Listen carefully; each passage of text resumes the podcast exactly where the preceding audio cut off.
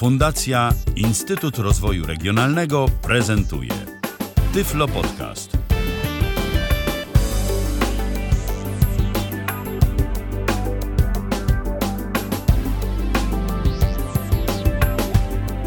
W kalendarzu dziś mamy piątek, to 16 dzień czerwca 2017 roku. Rozpoczynamy kolejne spotkanie na antenie Tyflo Radia. Michał Dziwisz, witam bardzo serdecznie witam również moich dzisiejszych gości. Dziś y, z Belgią się łączymy, y, a konkretnie łączymy się z Moniką Zarczuk-Engelsma i z Pawłem Masarczykiem, który się właśnie do Moniki wybrał i dziś nadają z jednej lokalizacji.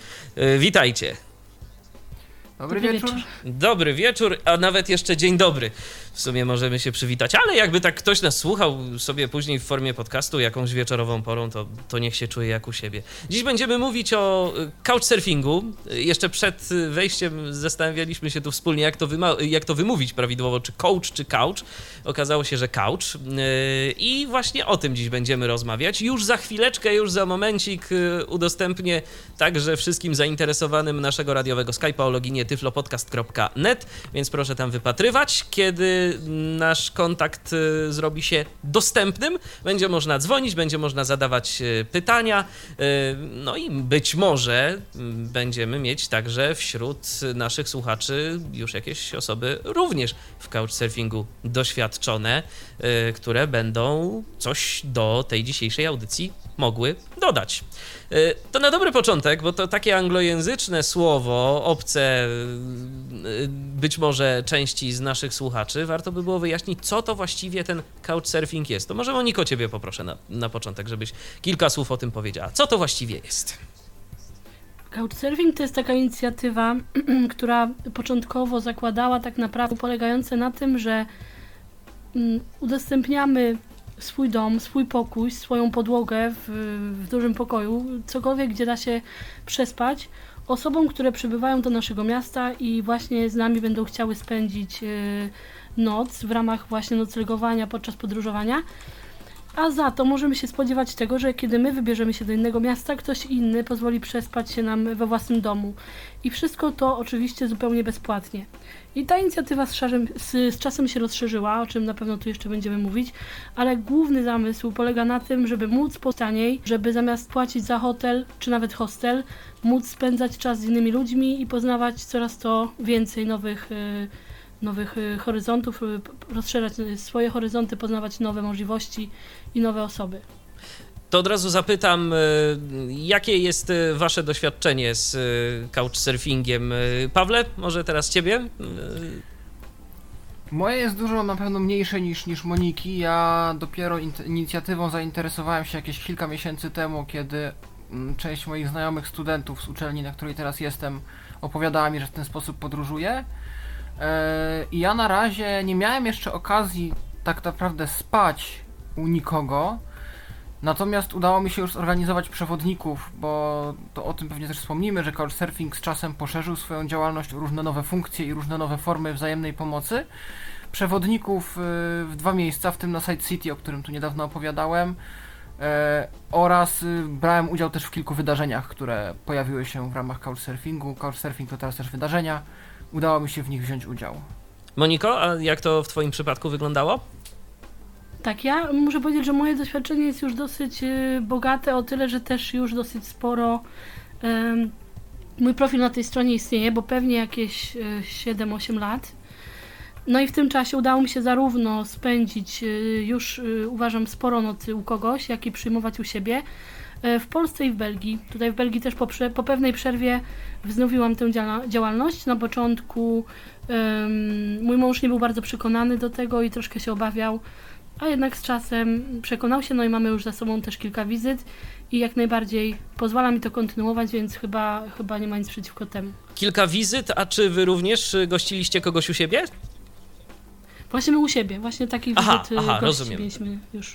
Rozumiem, okej. Okay. E, to w takim razie e, już przed momentem e, tu wspomnieliście o tym, że różne rzeczy można dzięki couchsurfingowi zrealizować. To może co nieco o tym powiedzmy. Do czego można właściwie ten couchsurfing wykorzystać? Oprócz tego, że wiadomo, no, można mieć tańszy nocleg. To może Pawle, teraz ciebie bym na dobry początek poprosił o kilka słów.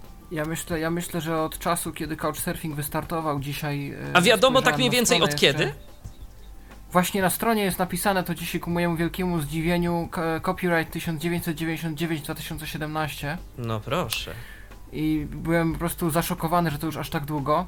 W ogóle taka ciekawostka, jeszcze przepraszam, że się tu wtrącę, ale mnie to też rozbawiło. E, Couchsurfing się pojawił jako temat jednego z odcinków Rodziny Zastępczej. Był taki odcinek, gdzie Filip Kwiatkowski zaprosił jakiegoś Borysa, Rosjanina, który studiował polonistykę i perypetia odci- w odcinku polegały na tym, że nie wiadomo było, kiedy Borys się z domu państwa Kwiatkowskich wyprowadzi.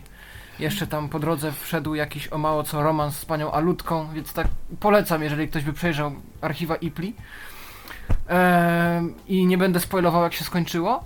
Więc trochę już to trwa i w międzyczasie zdążyło to ewoluować. Ehm, teraz Couchsurfing to nie tylko noclegi, Couchsurfing to tak zwane spotkania typu hangout, czyli możliwość na zasadzie położenia geograficznego, sprawdzenia kto w naszej okolicy, oczywiście wszystko za pomocą smartfona, e, ma ochotę coś zrobić. Coś znaczy napić się herbaty, nauczyć się czegoś nowego, pójść razem na imprezę, pozwiedzać.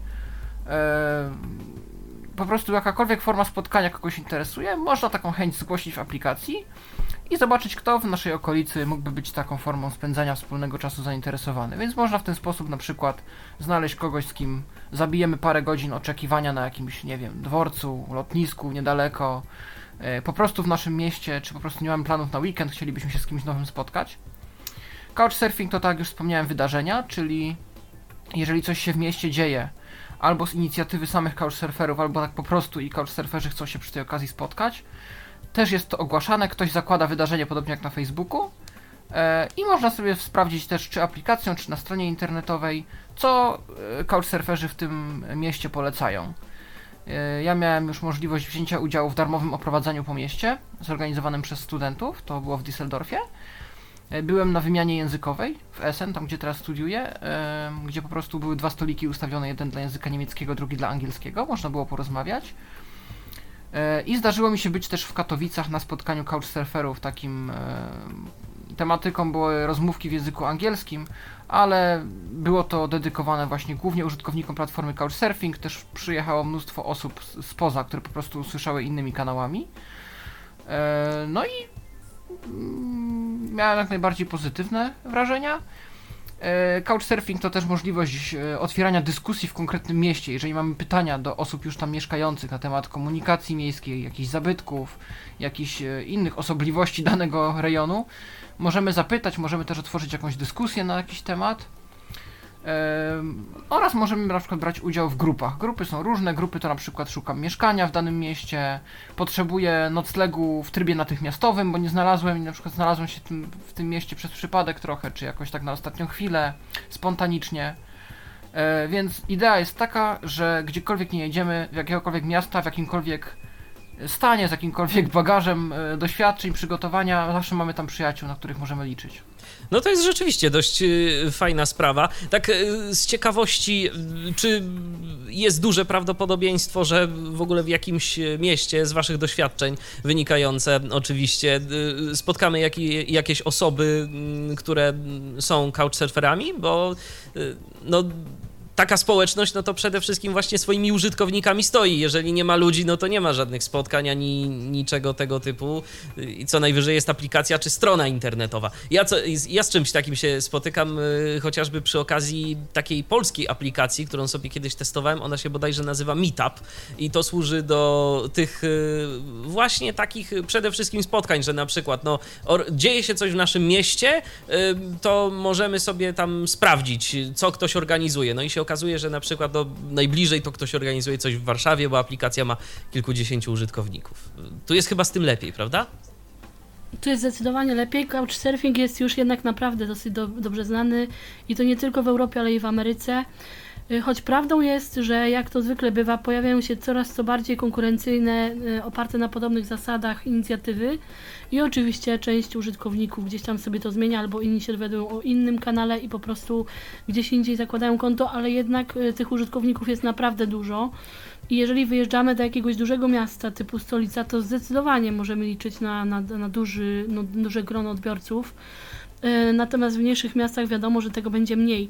E, natomiast to też zostało w pewien sposób rozwiązane nie tak dawno temu, e, ponieważ przedtem wyglądało to tak, że jeśli chcielibyśmy znaleźć jakieś miejsce, powiedzmy w Mediolanie, to wyszukiwało się wszystkich couchsurferów z Mediolanu i do każdego osobno, czy też do tych, którzy nam się wydali ciekawi z opisu, bo profile na tej stronie i couchsurferów są naprawdę bardzo rozbudowane. Można sobie je poprzeglądać i wybrać osobę, która nam się wydaje najbardziej interesująca. Do tych osób wysyłało się prywatne zapytania. I oczywiście nie wszyscy z nich odpowiadali. Czasami kogoś nie było, czasami ktoś nie sprawdzał poczty. Z różnych powodów czasami tych odpowiedzi nie było dużo. Natomiast w tej chwili y, utworzono coś takiego jak publiczne pytanie, publiczna prośba o nocleg.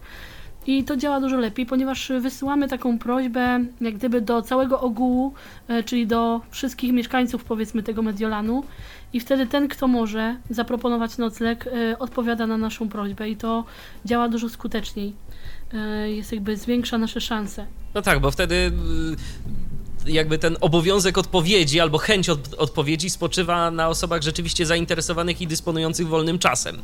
I wtedy to wiadomo, że zgłosi się do nas osoba konkretna, która, która chce nam pomóc. Yy, Moniko, to jeszcze zostanę yy, przy tobie na moment w kwestii tego bezpieczeństwa. Tu myślę, że Paweł też będzie miał coś do powiedzenia, ale ty już wspomniałaś na samym początku, że twój mąż się obawiał chyba trochę jednak spróbować couchsurfingu, więc ja jakieś tam jednak obawy były, y, ale udało się je rozwiać. Jak to jest właśnie w, kwestiach bezpieczeństwa, bo w końcu no, nie znamy tych osób y, osobiście, tak, przynajmniej często, na samym początku. Bardzo często, kiedy opowiadam w ogóle komuś o couchsurfingu, to się pojawia właśnie od razu pytanie dotyczące tego, jak y, ja mogę tak komuś zaufać, komuś zupełnie obcemu, kto wchodzi do mojego domu, kto może wyjść z tego domu, spakowawszy wszystko, co najcenniejsze do plecaka, a jeszcze w moim przypadku przecież ja tego nawet nie zobaczę. Natomiast po pierwsze myślę, że Couchsurfing i cała ta inicjatywa jest jednak skierowana do dosyć specyficznego grona odbiorców, a mianowicie do ludzi, którzy generalnie ufają sobie nawzajem, ale nie jest to jedyne, co powstrzymuje osoby od y, nadużyć, bo jest jeszcze coś takiego jak po pierwsze po każdorazowym mm, pobycie czy też spotkaniu z drugim couchsurferem wystawia się mu opinię i w tej opinii opisuje się, co się działo, jak było, czy było przyjemnie, czy było miło, czy było sympatycznie, czy, czy osoba była uprzejma, y, czy rzeczywiście wywiązała się z tego, co obiecała, jakie były warunki lokalowe.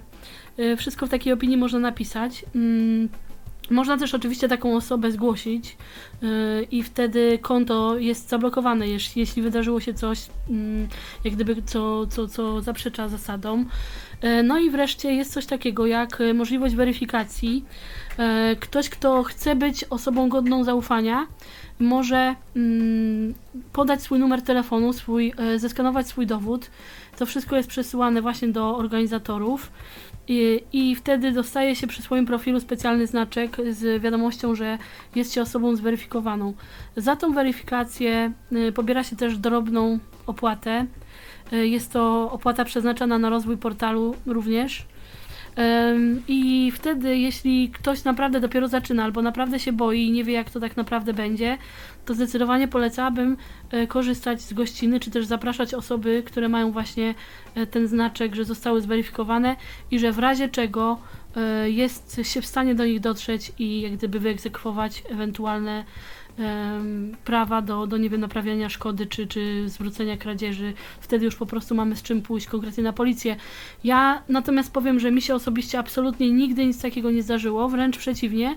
Na ogół jak ktoś do mnie przychodzi czy przyjeżdża, to wręcz zostawia coś po sobie i to nie tylko śmieci, bo to akurat też nieczęsto, ale na przykład jakiegoś tam e, rodzaju drobne pamiątki typu magnes ze swojego miasta zamieszkania, czy jakieś, jakieś słodycze lokalne na zasadzie po prostu drobnego podziękowania, chociaż nie jest to absolutnie wymagane. Jak mówiłam, e, couchsurfing jest za darmo, ale wiadomo, że e, ludzie po prostu chcą się dzielić różnymi rzeczami, w tym drobiazgami I to jest bardzo miłe. Kwestia jakiegoś takiego po prostu miłego gestu, tak? Tak. Dokładnie. Natomiast e, czy zwracasz uwagę, e, jeżeli gdzieś tam podejmujesz e, albo ty kogoś, albo mm, wybieracie się do, do kogoś, czy zwracasz uwagę na to, czy jest to osoba zweryfikowana, czy też nie? Czy, czy, czy ja raczej oczywiście nie zwracam uwagi. Ja, Mhm. ja nie, ja zresztą od początku nie zwracałam szczególnej uwagi. Wiadomo, że na początku gdzieś tam towarzyszyło mi pytanie, jak to będzie, ale ja akurat właśnie należę do tych osób, którym ta inicjatywa się bardzo podobała od samego początku, sam zamysł i wychodzę z założenia, że na couchsurfing, które naprawdę mają e, dobre chęci, lubią podróżować, są otwarte, są mm, jak gdyby poszukują nowych wrażeń, ale pozytywnych i rzeczywiście do tej pory nigdy się nie zawiodłam. Jak na razie się to potwierdza. No to super. A y, Pawle, jak to w Twoim przypadku y, jest? Zwracasz uwagę na to, czy są ludzie tam zweryfikowani, czy, czy niekoniecznie? Ja myślę, że to jest jeszcze ten początkowy etap, kiedy staram się dość wnikliwie sprawdzać profil osoby, z którą będę miał później do czynienia, zwłaszcza jeżeli chodzi o to, u kogo mam przenocować, czy z kim się spotkać. Em, przy czym nie tyle weryfikacja ma dla mnie znaczenie, co na przykład y, na ile sensownie ktoś wypełnił swój profil. Jednak jest duża, tak jak Monika też już wspomniała, waga kładziona na to, żeby ten profil wypełnić. Jeżeli tego nie zrobimy w określonej ilości procent, nie wypełnimy określonej ilości pól e, w tym profilu i tak dalej, pewne funkcje portalu nie są dla nas dostępne. Więc jest poniekąd nałożony na nas obowiązek, jesteśmy dość mocno zmotywowani, żeby ten profil wypełnić i coś o sobie w społeczności powiedzieć. Yy, I ja zwracam uwagę właśnie na to, co ktoś pisze o sobie samym, a jak, jak, na ile sensownie rozpisał jakieś warunki, powiedzmy, swojego mieszkania, swojego domu, jakieś zasady panujące w domu. Yy, oraz na opinie, oczywiście. Jeżeli tych opinii jest dość dużo, jeżeli są pozytywne z różnych stron świata, od y, użytkowników też zweryfikowanych z różną ilością doświadczenia, to też pomaga mi w podjęciu wyboru osoby, z którą bym chciał, u której bym chciał przenocować, czy z którą chciałbym się spotkać.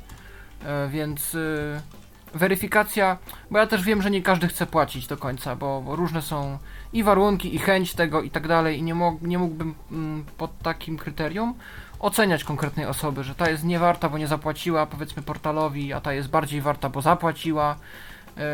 Więc dla mnie bardziej się liczy profil i opinie. Rozumiem. A tych opinii y, sporo użytkownicy mają, czy y, tak z waszych jakichś obserwacji? Czy na przykład, no już jeżeli nie na weryfikację, to, to czy na opinię y, zwracacie jakoś uwagę, Moniko?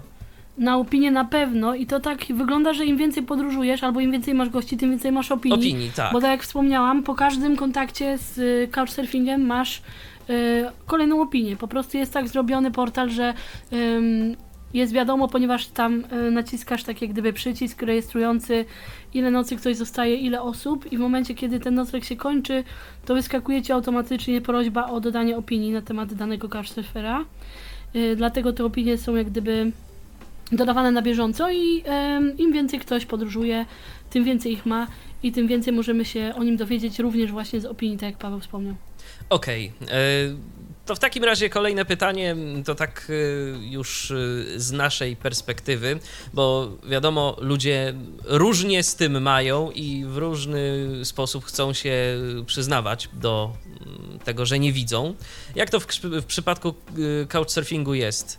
Warto, nie warto na samym początku? Czy mieliście jakieś y, z tego tytułu y, jakieś tam kłopoty, że na przykład ktoś się y, nie chciał z wami spotkać i jakieś podobne sytuacje, Pawle? E, nie, ja też, tak jak mówię, tego doświadczenia nie miałem e, jakoś dużo. E, raczej ludzie, do których pisałem, odpisywali, wręcz byli ciekawi, chcieli, chcieli gdzieś poznać tą, tą odmienność, tą nowość dla nich, bo Couchsurfing to jest jednak sieć osób takich otwartych na różne nowości, na, na coś, czego jeszcze wcześniej nie poznali. E, zdarzało mi się, że dostawałem odpowiedzi w stylu no super, że nie widzisz i masz mimo to odwagę, żeby podróżować. Ja też mam koleżankę na uczelni, która nie widzi, ja jestem oczarowana tym, co ona robi. Eee, ale niestety nie mogę cię przyjąć z jakimś tam innych przyczyn, powiedzmy, mamy egzaminy i tak dalej. Próbowałem gdzieś ten kontakt podtrzymać, powiedzmy, zachęcić, że może w takim razie w jakimś innym terminie się umówimy. Odpowiedź nie nadeszła, ale nie wiązałbym też tego z, z tym, że nie widzę, czy nie, nie widzę. Po prostu widocznie ktoś nie był zainteresowany moim przebywaniem tam, czy tam moim noclegiem. A mm, raczej ludzie reagowali pozytywnie. No zdarzyła mi się teraz jedna taka wycieczka, którą planowałem, gdzie nie dostałem żadnej odpowiedzi, ale miasto było też chyba troszeczkę mniejsze niż stolica, więc możliwe, że rzeczywiście jest tam problem jakiś typu ludzie często wyjeżdżają na przykład na wolne dni albo mają właśnie okres egzaminów. Więc tu bym się nie zrażał, ale nie, nie, nie sądzę. Użytkowników couchsurfingu niewidomych jest troszeczkę. I raczej mają sukcesy, osiągają tam sukcesy i udaje im się znaleźć zawsze te noclegi. No i tak jak Monika, sami też podejmują. A w którym y, momencie informowałeś, y, że nie widzisz? Czy gdzieś w profilu już jest to zawarte w Twoim przypadku, czy na przykład y, dopiero w rozmowie? Jak to wygląda? Ta informacja jest umieszczona w moim profilu. I nawet jest taka sekcja w profilu, czego mogę się od ciebie nauczyć. Ja tam wpisałem właśnie, e, że mogę zawsze przedstawić komuś postrzeganie świata z perspektywy osoby niewidomej, czyli mogę pokazać w jaki sposób pracuję z telefonem, z komputerem, mogę pokazać w jaki sposób poruszam się po mieście, e, czy cokolwiek innego, każdą czynność życiową, jaką, jaką robię, ludzie nie mogą sobie wyobrazić w jaki sposób. Ale zawsze jak tworzę jakieś zgłoszenie wycieczki publiczne, to też wpisuję w treści, że jestem osobą niewidomą, w związku z czym e, zwiedzanie miasta samodzielnie na własną rękę mogło być dość czasochłonne i energochłonne. W związku z czym szukam osoby, która oprócz noclegu mogłaby mi poświęcić trochę swojego czasu. Że mi coś takiego pomoże i, i takiej konkretnie pomocy potrzebuję. I rzeczywiście w przypadku Side City jeszcze była ta specyfika, że to, była cała, to były całe targi i też o takiej właśnie naszej tematyce środowiskowej. E, no i znalazła się, znalazły się osoby, które chciały mnie po Side City oprowadzić. No i ktoś rzeczywiście wtedy mógł się zapoznać z całkiem sporą gamą ilości y, urządzeń i oprogramowania dla osób niewidomych przy okazji. I to rzeczywiście no, wiedzę swoją mógł wzbogacić. To fakt. Y, Moniko, a z Twojej perspektywy jak to wygląda, jeżeli chodzi o informowanie o brak wzroku? Warto, nie warto? Ja zdecydowanie polegam, y, polecam informować o tym i to jak najszybciej się da. Ja osobiście też również y, mam to umieszczone w profilu. Y, między innymi oprócz tego, co Paweł wspomniał, że możemy się podzielić tym, jak wygląda nasza perspektywa, to mam też pisane na przykład, że mogę kogoś nauczyć Braille'a, jeśli by chciał. Mm, natomiast generalnie uważam, że dużo lepiej jest mówić o tym otwarcie, tym bardziej, że nie jest to żadna, gdyby nasza cecha ujemna, i rzeczywiście mało osób tak to traktuje. A wręcz bywa tu wartość dodana, bo naprawdę wiele osób jest zainteresowanych tym, jak funkcjonują osoby niewidome, jak się z nimi kontaktować. Y, I też wiele osób mi o tym właśnie pisało, że cieszą się, że będą mieli taką okazję. Y, dlatego też uważam, że zdecydowanie warto o tym mówić wprost, bez, żadnych, bez żadnego zatajania, y, choćby nawet po to, żeby uniknąć wzajemnego zaskoczenia. Mm, nie wiem, zaskoczenia naszego couchsurfera, kiedy nas zobaczy na lotnisku, przyjedzie po nas, albo y, naszego zaskoczenia tym, jak bardzo jest zaskoczony couchsurfer, bo to też nie zawsze bywa przyjemne. Oczywiście, no nikt Dodam nie lubi jeszcze... być zaskakiwany i stawiany pod ścianą, bo rzeczywiście może ktoś, nawet nie tyle, że mogłoby mu to przeszkadzać, ale ktoś może na przykład nie jest sobie w stanie za bardzo wyobrazić, jak w ogóle funkcjonować w towarzystwie osoby niewidomej. To też ludzie mają czasem jakieś skrupuły coś, albo... Co... Mhm tak, albo zaplanował coś, co po prostu dla niewidomej osoby już nie będzie ciekawe.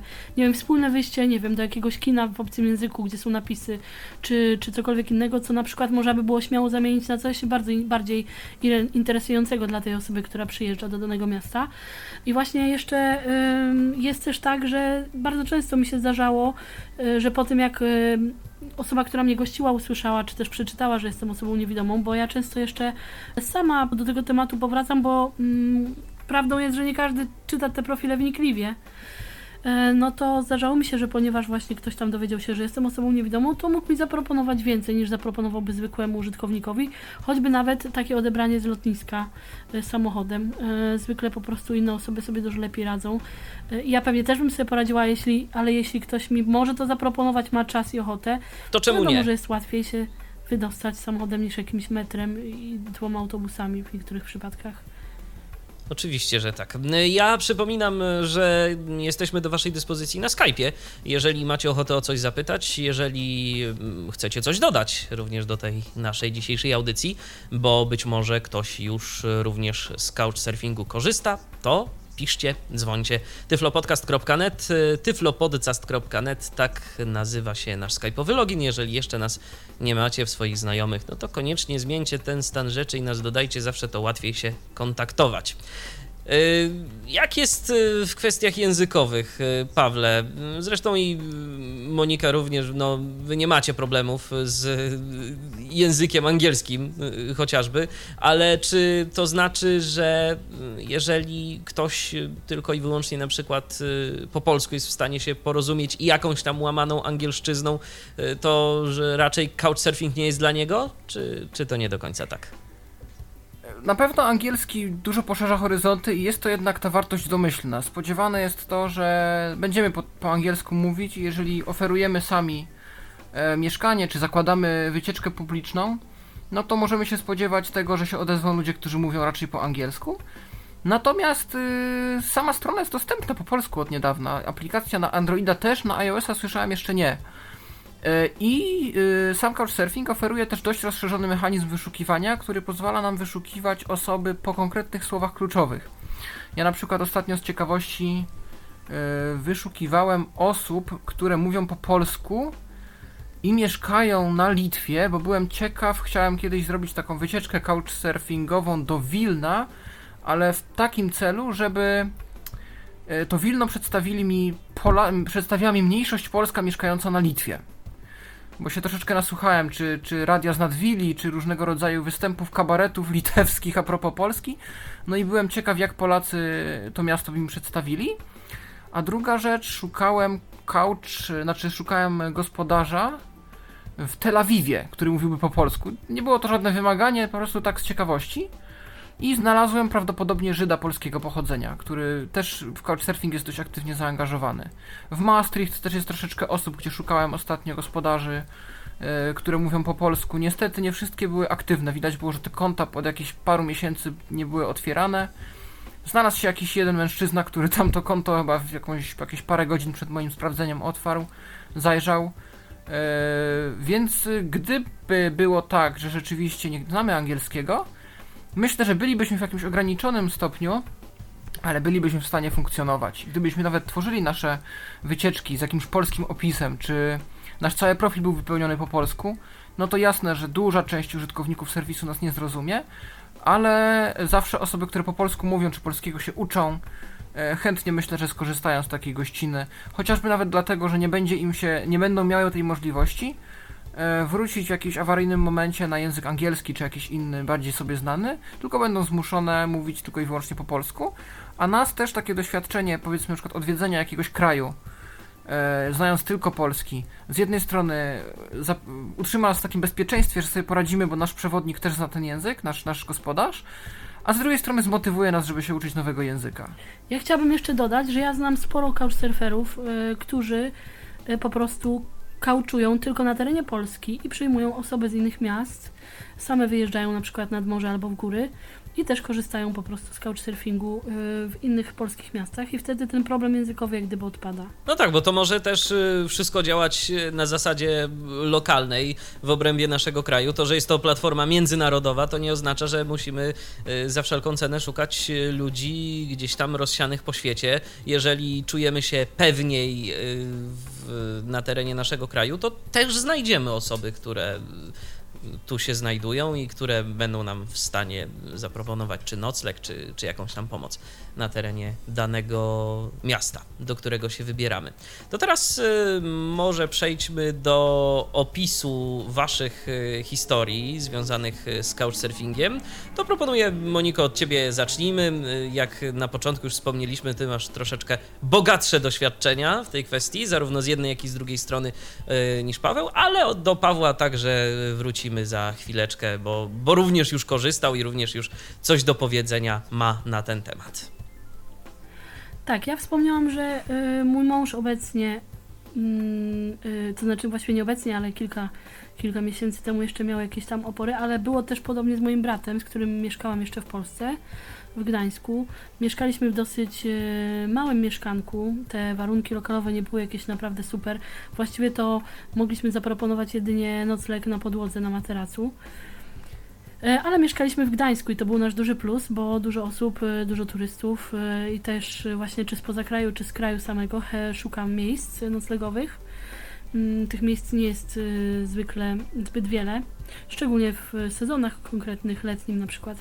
Ale mm, chcę wspomnieć o tym, że mój brat, sceptycznie nastawiony, w końcu zgodził się na to, abyśmy kogoś tam zaprosili na pewnego rodzaju próbę. I tak się też złożyło, że mm, zgłosili się do nas, zgłosiła się do nas para, chłopak i dziewczyna, y, którzy potrzebowali y, spędzić w Gdańsku jedną noc, bo wracali skądś y, lotem i nie było już pociągu, musieli gdzieś po prostu przetrwać do kolejnego dnia, kiedy mieli pociąg do Łodzi. I to było dobrze dla mojego brata o tyle, że on sam po angielsku nie bardzo mówił i myślę, że gdyby to był ktoś anglojęzyczny, to zostałby trochę wyłączony z rozmowy. Natomiast, y, tak jak wspomniałam, okazało się, że byli to Polacy. Y, Przyjechali do nas dosyć późno, gdzieś około 9 wieczorem. Mój brat zakładał, że porozmawiamy godzinę i pójdziemy wszyscy spać, i oni byli zmęczeni, a on niezbyt zainteresowany. W praktyce okazało się, że przesiedzieliśmy praktycznie do czwartej rano, rozmawiając i obyło się bez żadnego alkoholu nawet.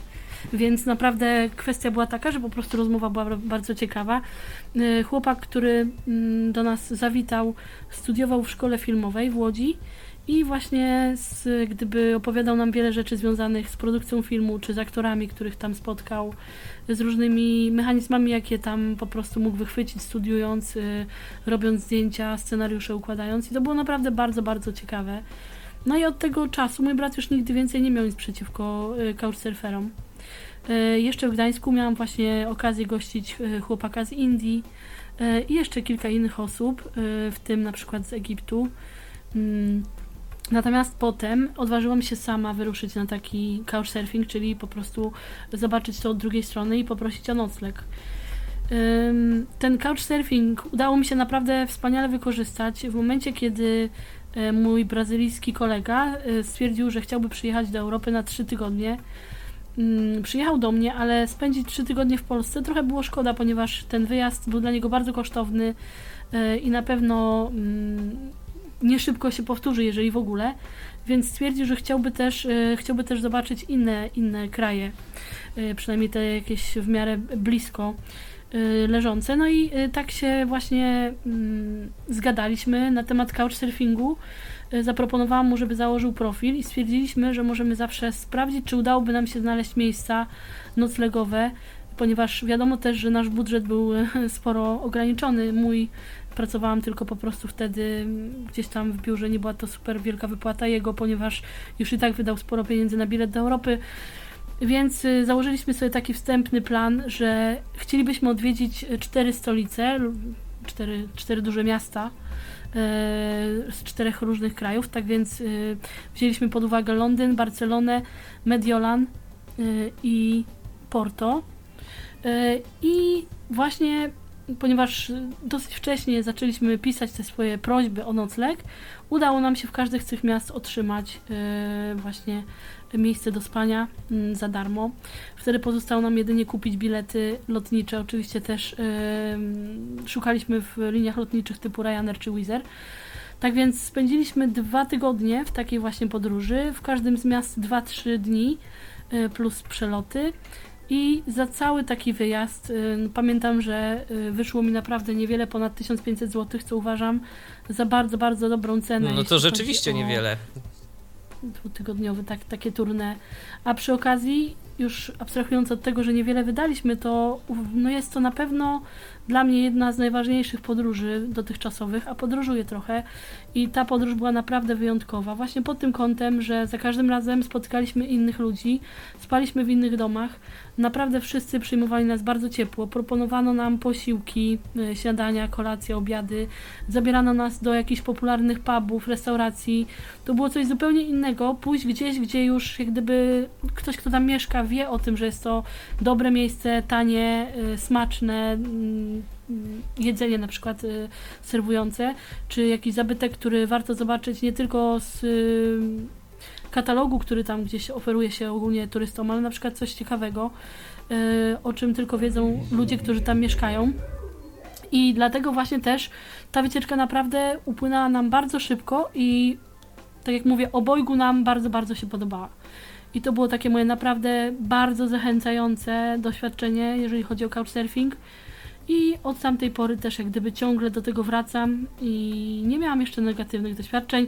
Tak samo bardzo doceniam couchsurfing, który udało mi się znaleźć, kiedy wyjechałam do Kairu e, na taką wycieczkę swoich marzeń, bo zawsze chciałam wyjechać e, właśnie do Kairu, nie do, nie do Hurghady, nie do Sharm el Sheikh, tylko do stolicy i nie na jakąś wycieczkę z biurem podróży.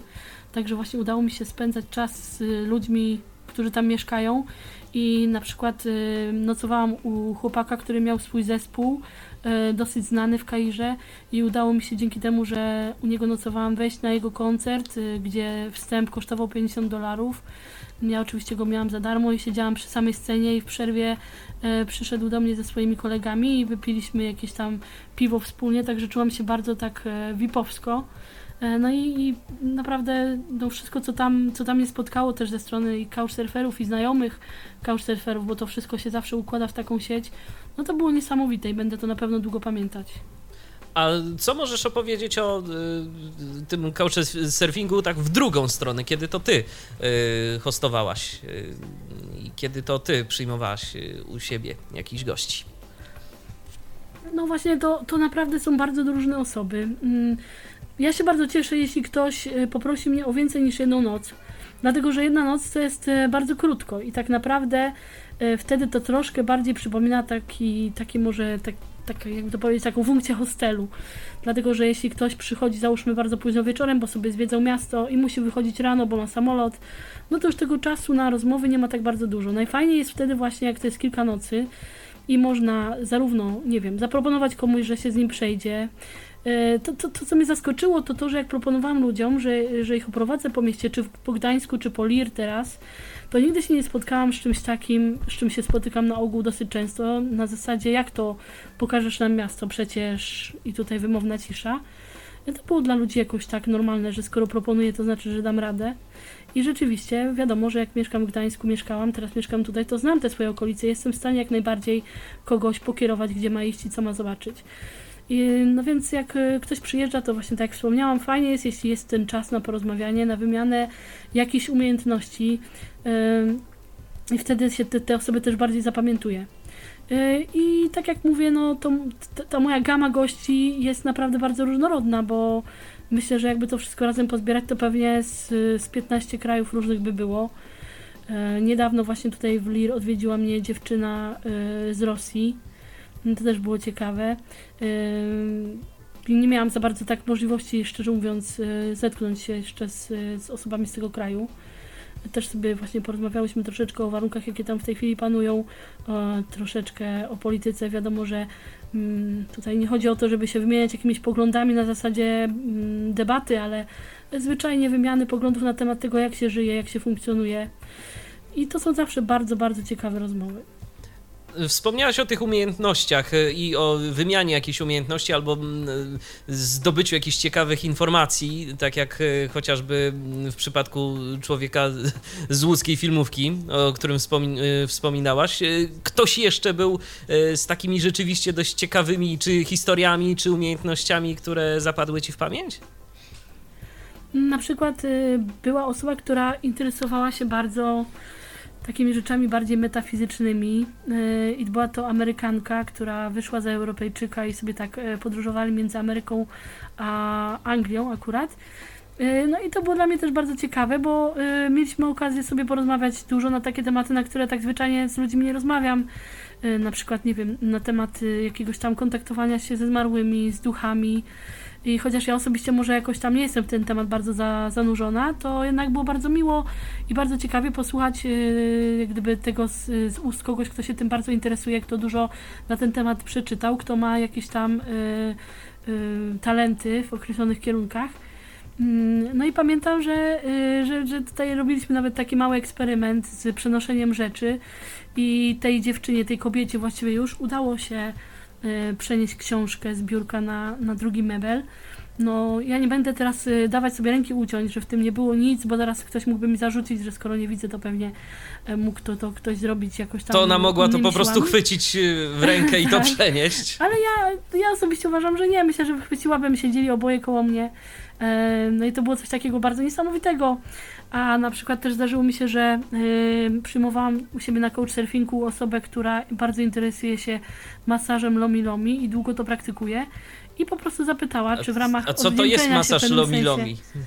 to jest masaż, masaż, który jest, ma jakąś tam tradycję właśnie wschodnią. Y, jakby wykonuje się go przy użyciu, można go wykonywać przy użyciu całego ciała, ale oczywiście to wszystko zależy od y, pacjenta, czy też osoby, która przyjmuje ten masaż, bo też nie, nie, chodzi o przekraczanie jakichś tam granic. Ym, Na ogół używa się do tego dłoni i właśnie przedramion. E, I ta osoba właśnie zaproponowała mi, żeby w ramach tutaj wdzięczności za nocleg, y, że może mi taki masaż relaksujący wykonać. Ja się na to zgodziłam i było naprawdę bardzo sympatycznie. Nie chodzi mi tutaj o żadne jakieś eroty- erotyczne podteksty, tylko po prostu zwyczajnie tak jak idziemy na masaż leczniczy czy jakikolwiek inny, jest on miły i przyjemny. Tak samo było w tym przypadku. I ludzie mają różne umiejętności, różne rzeczy robią. Na przykład y, moim znajomym też osoba, która u nich y, spędzała noc, y, a była informatykiem, doprowadziła do porządku komputer, który od kilku lat już tam po prostu nie, nie za bardzo funkcjonował, nie było komu się tym zająć.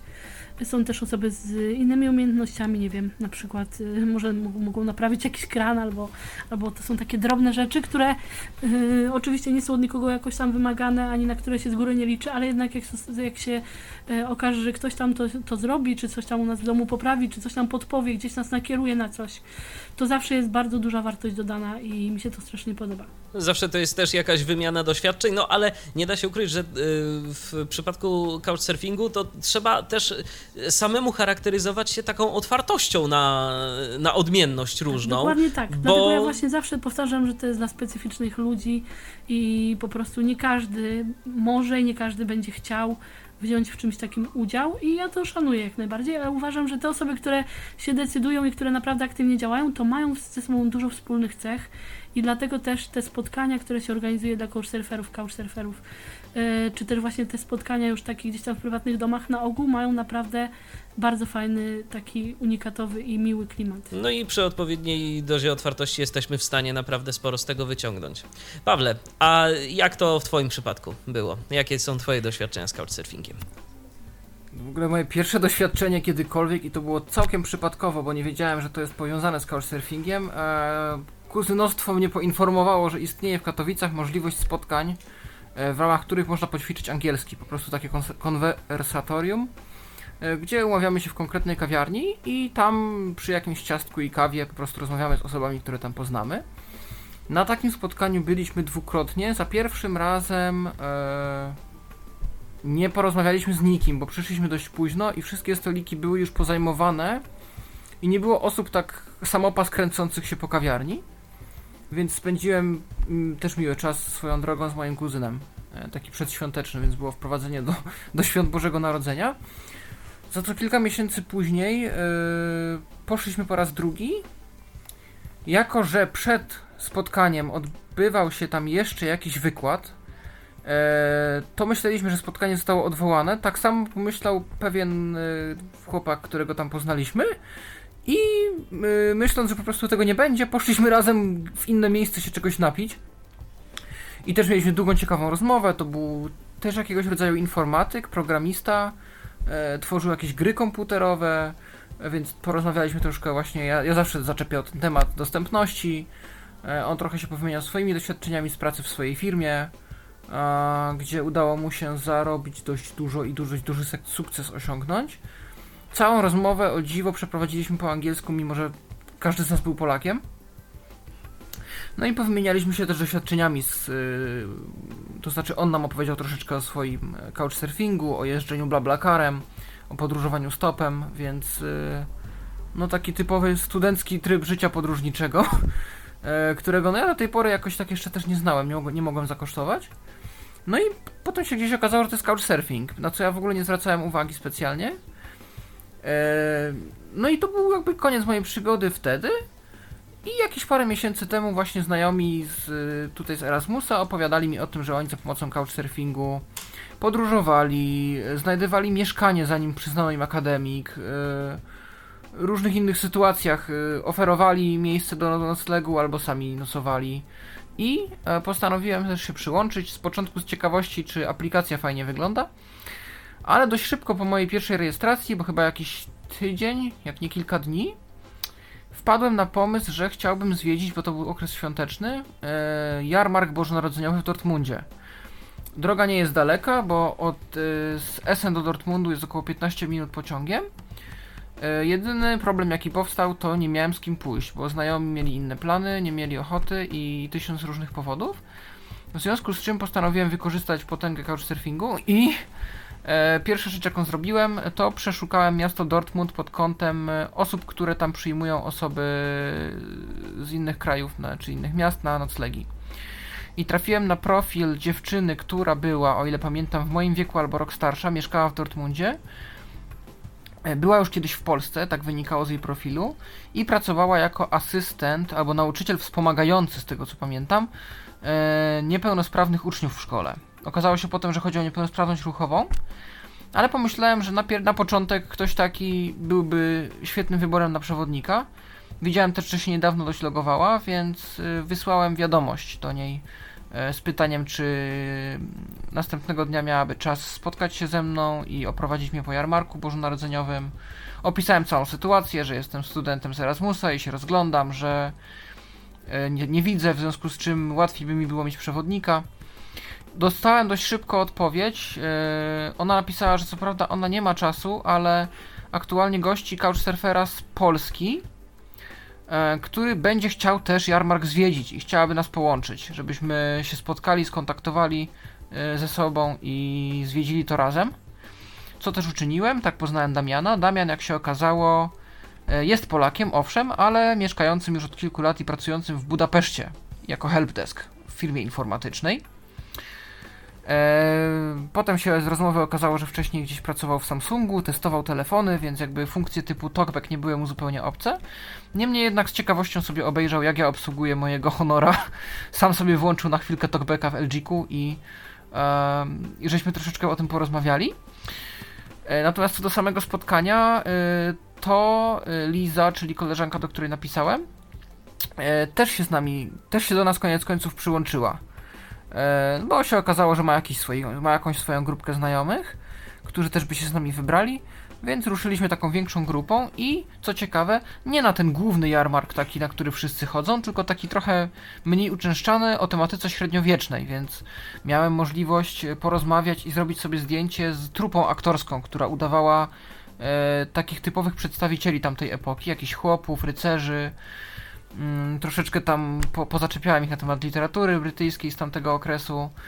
E, zjedliśmy takie prawdziwe taki, taki wałek mięsa wieprzowego z patyka, taki to niby, nie to szaszłyk, nie to podpiekane takie na grillu, to się nazywało jakiś szaszłyk wikinga, czy szaszłyk z trójzębem, jak, jakoś taką miało to specyficzną nazwę. I po prostu był taki wałek mięsa, który się obgryzało wokół patyka. Bardzo duży zresztą, taki, nie wiem, Ile to było centymetrów? 50, 60? No tak, dość dużo tego było. No to rzeczywiście spore, bo e... to można było się najeść. Tak, i oczywiście. Ta, jak na wikinga, to tak. I, i, i, i, i mm, oczywiście wszędzie porozstawiane ogniska, dużo takich przedmiotów wyrabianych jakichś z czasów średniowiecznych. No i, i, i, klimat taki był rzeczywiście zachowany, taki troszeczkę, troszeczkę inny niż, niż taki typowy Weihnachtsmarkt, gdzie dużo jakiejś komercji, jakichś typowych produktów, takich już znanych, jakichś grzańców, nie grzańców. Mm, niemniej jednak potem sami już z Damianem też wybraliśmy się na ten jarmark ogólny. E, on tam zrobił jakieś takie drobniejsze zakupy z pamiątkami, z jakimiś suwenirami czy z produktami spożywczymi do domu. E, co ciekawe, nie pamiętał już jak pewne rzeczy się nazywają po polsku, za to doskonale wiedział jak nazywają się po węgiersku. To było dla mnie też ciekawe doświadczenie. E, I porozmawialiśmy właśnie troszeczkę o różnicy między produktami spożywczymi w Polsce, a na Węgrzech, że na Węgrzech jest to wszystko mimo wszystko ostrzejsze, że oni się lubią w przyprawach, że nie uświadczymy takiego typowo polskiego chleba, że ten chleb jest zdecydowanie inny, chyba na korzyść dla Polski. No i, i yy, potem Damian mnie odprowadził na dworzec i wróciłem już potem sam do domu. Więc to było moje takie pierwsze doświadczenie, gdzie rzeczywiście powymienialiśmy się opiniami. Potem ja dostałem od Damiana zdjęcia i film e, z tego jarmarku, żeby też pokazać rodzinie i znajomym. E, mnóstwo takich zespołów szkockich, wysłuchaliśmy ich muzyki na, na, na kobzach, na, czy tam na dudach, teraz już nie pamiętam, mi się te instrumenty zawsze mylą. I, i, I też to było takie, mm, no, mm, przełomowe wydarzenie w moim życiu, myślę, że w ten sposób znaleźć przewodnictwo. Mam zdjęcie pod tą chyba najwyższą w Europie choinką bożonarodzeniową, która stoi w Dortmundzie. Bardzo, bardzo ciekawe doświadczenie. No a drugie moje osiągnięcie takie większe to e, spotkanie właśnie na Side City z Yusufem. Yusuf, który tak naprawdę nie jest to jego prawdziwe imię, ale to już mniejsza o to. Jest z pochodzenia pół Hiszpanem, pół Niemcem, urodzonym w Hiszpanii, który na drodze poszukiwań duchowych stwierdził, że dla niego dobrą opcją jest islam. E, I od tej pory jakimś tak, jakąś tam koleją losu cały czas stykał się gdzieś z Marokańczykami. Marokanką była jego żona, Marokanką jest jego aktualny współlokator. Przepraszam, Marokańczyki. E, e, I gdzieś tych Marokańczyków zawsze, zawsze, sobie, zawsze sobie gdzieś tam cenił i, miał, tym, miał tego kontaktu dużo. Sam przepodróżował chyba już pół świata, bo był i w Indiach, i gdzieś jeszcze w Malezji, e, w różnych innych krajach takich, gdzie no, są to popularne mm, jakby cele podróży. Niemniej jednak, no, jest to jednak troszeczkę osiągnięcie się tam też wybrać i, i samemu to odwiedzić. Wszystko za pomocą couchsurfingu. E, z zawodu jest e, koordynatorem lotów w Lufthansa. Więc doskonale znał lotnisko, gdzie był hotel Sheraton i gdzie odbywało się Side City. Pierwszego dnia oprowadzał mi właśnie jego współlokator, drugiego dnia on. Żaden z nich nie narzekał na to, że wystawa jest nudna, że temat ich nie interesuje, że za dużo, nie wiem, technologii, której nie rozumieją, że tyle czasu trzeba spędzać na tych wywiadach, które przeprowadzałem, że o nic, nie mieli z niczym problemu. Na samym wstępie powiedzieli, powiedzieli mi, że Couchsurfing jest siecią altruistów jeżeli ja zgłaszam konkretną potrzebę i oni się zgłosili, że ją wypełnią, to oni ją wypełnią bez szemrania.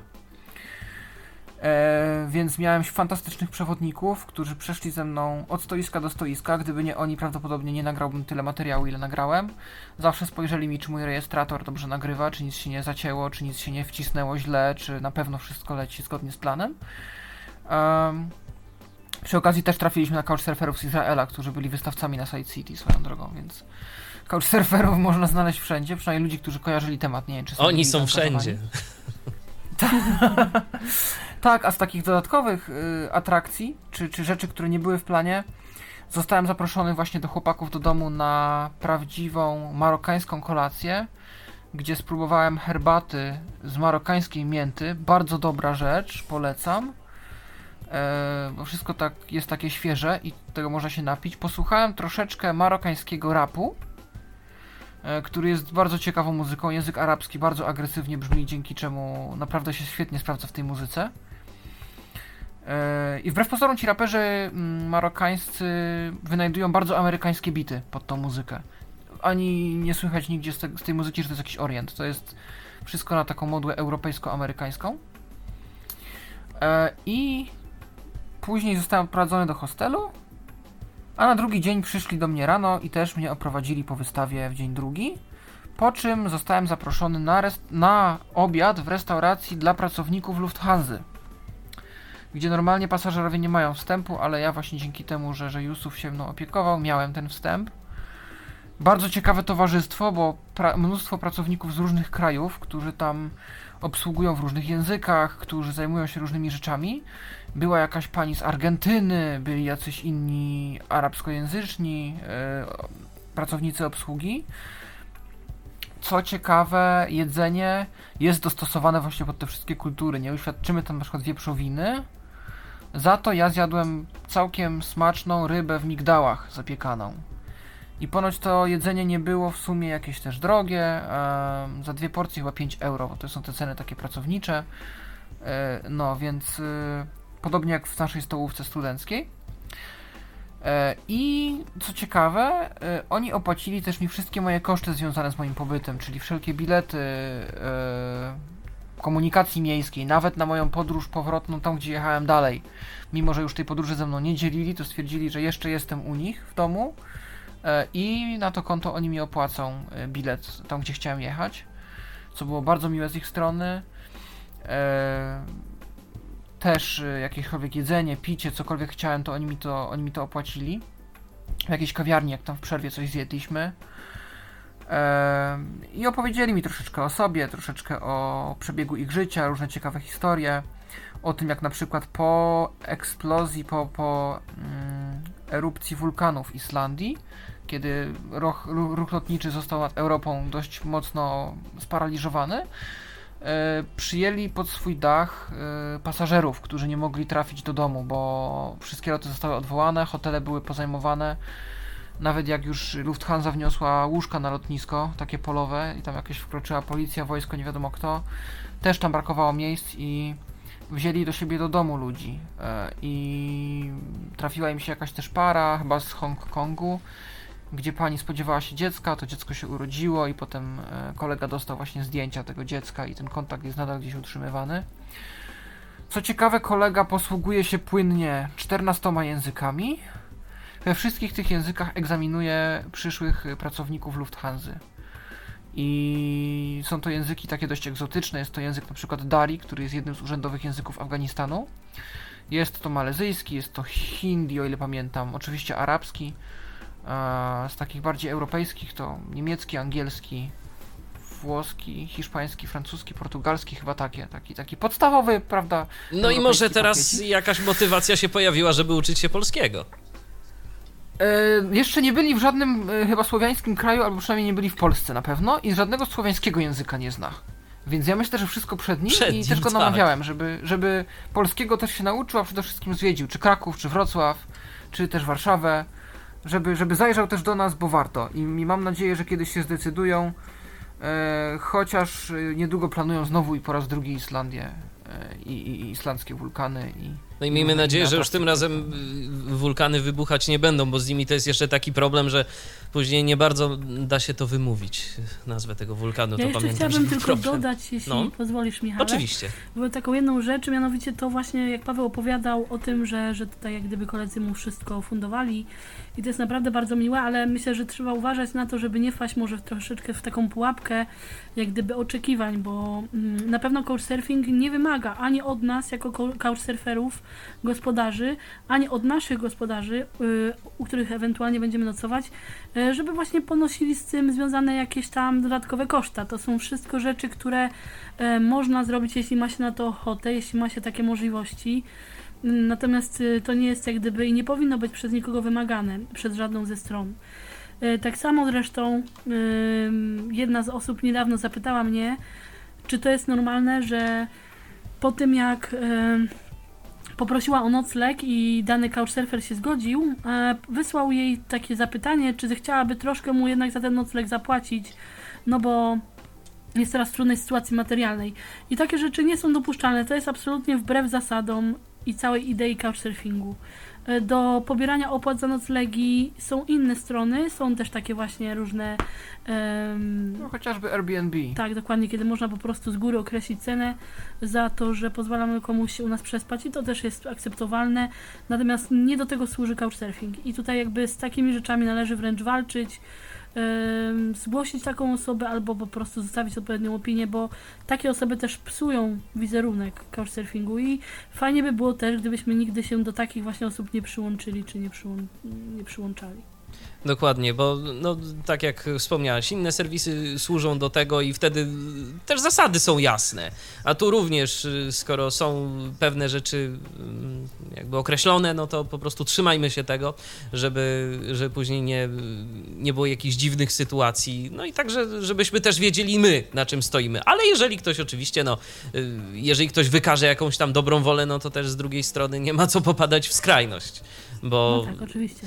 bo to też y, niczemu myślę, że nie będzie służyć. Ja przypominam, że... Bardzo wielu ludziom... Z... Aha. E, Przepraszam, ale chciałam tylko powiedzieć, Proszę, że bardzo proszę. wielu ludziom zwyczajnie sprawia przyjemność, e, nie wiem, oferowanie czegoś, czy na przykład zapłacenie za nasz obiad. To nie jest tak, że to zawsze są jakieś super poświęcenia. E, Sami zresztą na pewno po sobie też wiemy, że bywają sytuacje, kiedy zwyczajnie bardzo miło jest komuś dać prezent, nawet czasami milej niż otrzymać taki od kogoś in- innego. Oczywiście, że tak. A ja przypominam, że jesteśmy cały czas na Skype'ie. Może ktoś jakieś pytania ma do nas, bo widzę, że słuchacie, ale nie dzwonicie, ani nie piszecie. No to może czas to zmienić. tyflopodcast.net, tyflopodcast.net to jest nasz skype'owy login. Zapraszam bardzo serdecznie yy, do kontaktu. To ja teraz może jeszcze wspomnę tak? troszeczkę o moich wrażeniach z wydarzeń e, couchsurfingowych, bo couchsurfing, no tak jak wspomnieliśmy, to nie tylko noclegi i spotkania osobiste, ale też jeżeli jesteśmy w danym mieście, możemy poznać wielu nowych ludzi naraz albo wziąć po prostu udział w czymś ciekawym. Jasne. Mm, tak jak wspomniałem, e, wydarzenie może być wszystko, na co couchsurferzy mają ochotę. Jeżeli mają pomysł na jakąś inicjatywę, żeby coś zrobić razem, czy to ma być domówka, czy to ma być wspólne jeżdżenie na rowerze, czy wspólne wyjście na jakieś wydarzenie takie publiczne, bardziej masowe, można to jak najbardziej z tego skorzystać. Ja u siebie w okolicy Essen widziałem często e, propozycje jazdy wspólnej na rowerze. Gdzieś w Wuppertalu często robią takie wyjazdy. E, Są kluby językowe i takie konwersatoria, takie spotkania w kawiarenkach, gdzie można po prostu, czy w pubach, gdzie można usiąść i poćwiczyć swoje umiejętności językowe. To zresztą się pokrywa z popularną w Niemczech, e, e, z popularnym trendem tak zwanego Stammtischu, czyli regularnych spotkań osób, które coś łączy. Stammtische są na przykład osób niewidomych, Stammtische międzynarodowych studentów, są nawet Stammtische użytkowników, niewidomych użytkowników iPhone'a w Bochum. Nie wiem, kto to organizuje i gdzie, może kiedyś się wybiorę jeszcze, mimo że sam już nie mam. Natomiast jeśli chodzi o couchsurfingowe wydarzenia, to ja wziąłem udział, e, będąc już w Niemczech, właśnie w wymianie językowej, gdzie poszliśmy z moim współlokatorem. E, oczywiście wydarzenie nie było typowo pod couchsurfing, ono było też promowane innymi kanałami, e, nawet włącznie z lokalną gazetą. E, I tam na przykład miałem takie doświadczenie, że przez dwie godziny rozmawiałem z Anglikiem po niemiecku, e, bo siedzieliśmy przy niemieckojęzycznym stoliku, on mi nawet zaproponował, że możemy mówić po angielsku, jeżeli tak mi wygodniej, ale ja stwierdziłem, że skoro jesteśmy przy stoliku, to ja bardzo chętnie poćwiczę język. I okazało się, że był to tłumacz y, z Wielkiej Brytanii, który tłumaczył między angielskim, niemieckim i holenderskim i od już jakiegoś czasu mieszkał w Essen.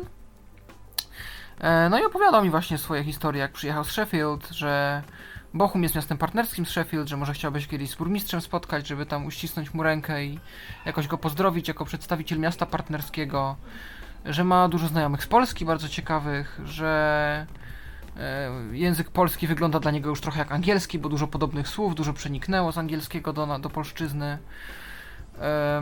Takiego, takie doświadczenia, takiego doświadczenia nabyłem właśnie tam. A drugie ciekawe wydarzenie, w którym brałem udział, to było darmowe oprowadzenie po Düsseldorfie, gdzie studenci e, z tamtejszej uczelni zorganizowali i organizują co dwa tygodnie e, takie właśnie oprowadzania, gdzie mają już taką uzbieraną garść faktów na temat Düsseldorfu, różnych ciekawych zabytków. E, Mniej lub bardziej znane są te fakty, nie wiem na ile się podpierają na przykład Wikipedią. E, Ale zawsze jest to też miłe, jak oprowadzą nas po tych miejscach, pokażą, że to jest tu, palcem pokażą, to jest to, to jest tamto.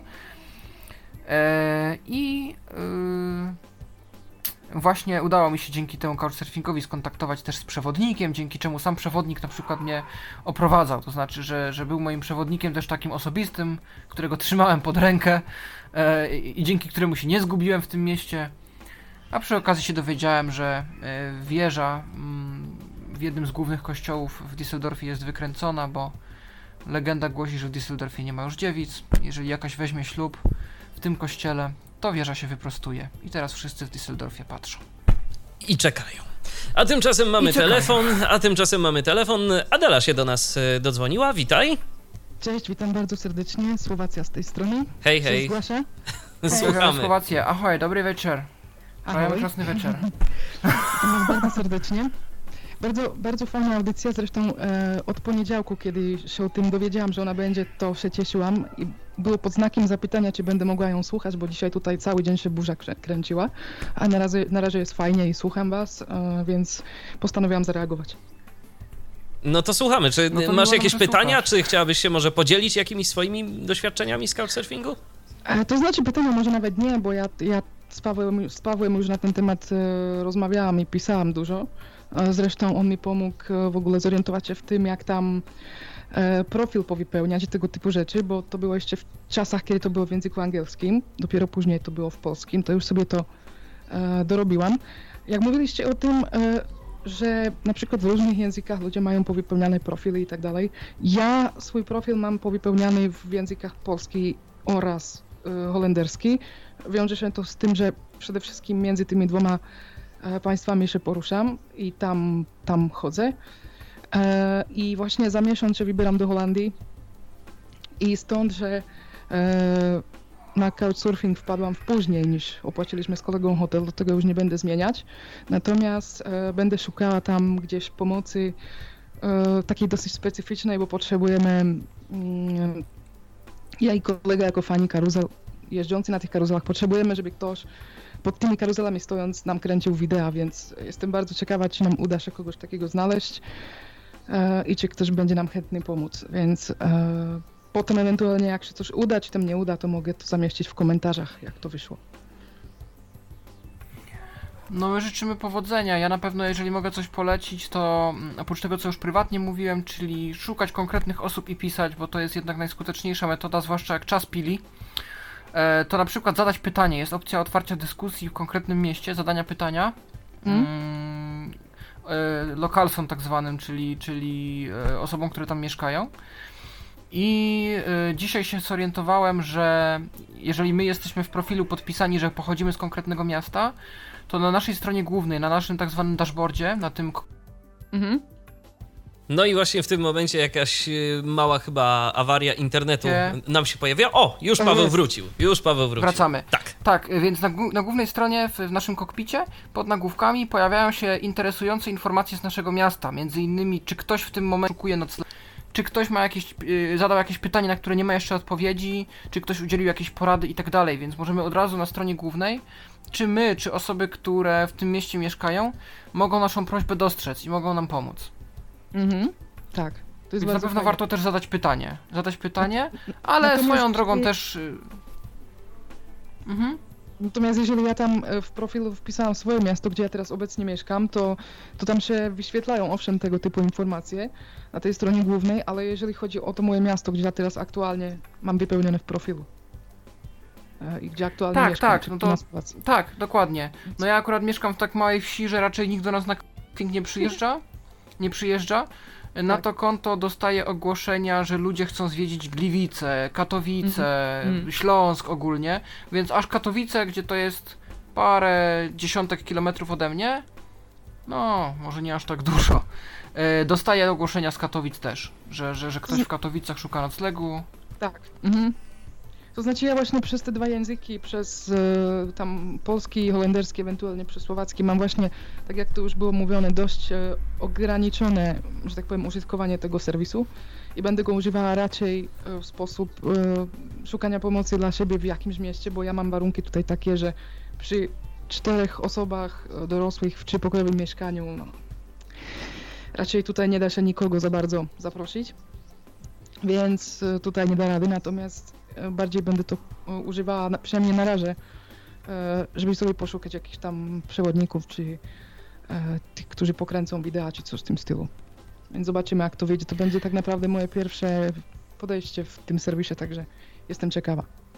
I raczej planuję szukać spokojnie, osób ja- i prywatnie pisać do nich. Ja, ja też nie przyjmuję gości, bo nie mam na to chwilowo warunków, natomiast też. już mi powiedziano, że to nie jest problem i że można w inny sposób jakby się przyłączać. Właśnie, chciałam o tym opowiedzieć, bo yy, tak to trochę do tego zmierzaliśmy, ale rzeczywiście jest tak, że często osoby nie mają możliwości przyjęcia kogoś, nie mają takich yy, warunków lokalowych, albo na przykład ktoś, kto mieszka z nimi, nie chce yy, Tak, kogoś właśnie. obcego w domu. Mhm. Wtedy właśnie mm, warto pamiętać o tym, że bardzo już w tej chwili dużo osób y, posiada profile na couchsurfingu, gdzie ma po prostu napisane wyraźnie, że co prawda nie mogą nikogo przyjąć i taka opcja jest nawet do zaznaczenia, ale mogą zaoferować na przykład wspólne napicie się kawy, czy oprowadzenie po danym mieście, czy służenie jakąś informacją, która na przykład y, być może dla kogoś, kto przyjeżdża, będzie bardzo cenna. Dokładnie A tak. jednocześnie tylko jeszcze powiem, że to, że y, nie przyjmuje się gości, nie oznacza, że nie można skorzystać z couchsurfingu w innym mieście. To nie jest tak, że oko za oko, ząb za ząb. Jeśli ja proponuję kawę, to tylko kawę mogę dostać. Można śmiało, y, jak gdyby, ubiegać się o to miejsce noclegowe, gdziekolwiek się wyjeżdża, natomiast po prostu zwyczajnie y, zdarza się tak, że tego miejsca oferować nie można i nikt z tego powodu nie ma do nikogo pretensji. A w zamian można na przykład zaoferować swój czas po prostu. Na przykład, albo będę mogła uczyć kogoś języka słowackiego może. Chociażby. A na przykład ciekawe jest dla mnie też to, czego odkryłam w wyszukiwaniu, ale dopiero jak było w języku polskim już, że tak naprawdę jak się chce szukać tylko kogoś, z kim chce się spotkać, to tam jest dosłownie do tego opcja do zaznaczenia. Że się nie szuka kogoś noclegu, tylko szuka się kogoś, z kim chce się spotkać i tam jest wyraźnie taka opcja do zaznaczenia i to jest bardzo fajne. Że się wyszukuje właściwie tylko osoby, No to które jest chcą się trochę trudno do tego chyba dotrzeć, ja to będę też prezentował, że tam na tej Mhm. stronie trzeba będzie w pewnym momencie wyłączyć style i, i, i dopiero wtedy Nie wiem, pewne ja razie opcje będą dostępne, pewne linki się pokażą. A to, to się Być cieszę. może, ja to na razie miło nie miałam z tym problemu. Może tam- zależy to od przeglądarki, z jakiej y, się korzysta y, możliwe. w tym przypadku. Zresztą, jak w wielu przypadkach na początku ta strona była naprawdę bardzo fajna, jeśli chodzi o obsługę. Była A po potem udowocześnili. prosta. Tak, a potem zaczęło się rozszerzać, zaczęły dochodzić nowe opcje, nowe funkcjonalności i, i w tej chwili już tak przyjemnie nie jest. Natomiast jest to dalej do obsłużenia. Ja też po- techniczne, no to super. Tak, będą, Tak. będą na, na stronie, będziemy super, pokazywać i fajnie. na aplikacji Okej. mobilnej. Okej, no to tyle, co chciałam powiedzieć i zobaczymy, jak to się potoczy. No to życzymy powodzenia w takim razie. Dziękuję. Dzięki, do Powodzenia, usłyszenia. Też odsłuchu. I Do fajnie, że do usłyszenia. nas dołączyłaś. A, dzięki, pa. A jeżeli ktoś również, tak jak Adela, ma e, ochotę do nas tu dołączyć, coś, o coś zapytać albo e, skomentować to, co pojawiło się do tej pory e, w dzisiejszej audycji, w której to przypominam, rozmawiamy o couchsurfingu, to zapraszam tyflopodcast.net, tyflopodcast.net, to jest nasz radiowy Skype, można z niego skorzystać choćby i teraz. No i właśnie... y, Ja przyznaję, że myślałam, że będzie właśnie bardzo dużo telefonu, bo to jest taki temat trochę, uważam, no może kontrowersyjny dla niektórych, a z kolei bardzo ciekawy, bo jednak coraz więcej z nas, osób niewidomych wyjeżdża i podróżuje i gdzieś tam e, nowe, nowe doświadczenia nabywa, E, więc e, myślałam, że będzie tych telefonów dużo, no może to jeszcze nadejdzie, natomiast ja osobiście też bardzo zachęcam do kontaktu, zawsze można typowo interesujące nas pytanie zadać pod konkretnym kątem. A jeżeli ktoś, e, to już mówię do osób słuchających e, tej audycji później, kiedy pojawi się na naszej stronie internetowej www.tyflopodcast.net, miałby ochotę o coś zapytać, no to od czegoś mamy jeszcze komentarze pod audycją. Wtedy tam również można swoje e, pytanie zadać, e, można jakieś swoje uwagi również tam zapisać i to wszystko pojawi się na naszej stronie. Ale najlepiej słuchać teraz na żywo i zadzwonić tu do nas. To jest, to jest najlepsza opcja. Teraz y, powoli będziemy przechodzić do prezentacji y, możliwości serwisu couchsurfing.org. Jedna i druga strona jest poprawna, tak? Tak. Obie. I aplikacji mobilnych. Y, zastanawiam się, od czego zaczniemy. Czy od aplikacji, czy od strony? Myślę, że od strony, bo wtedy warto, warto najpierw wiedzieć, co w ogóle tam jest i, i potem zobaczyć, co z tego aplikacja może. Dobrze, to. Pawle, y, ty będziesz prezentował. Widzę, że jeszcze, ale zanim to, to widzę, że my tu mamy jeszcze jakiś telefon, więc ja się szybciutko przełączę na numer y, do przyjmowania połączeń. O, mamy telefon od Alicji tym razem. Witaj.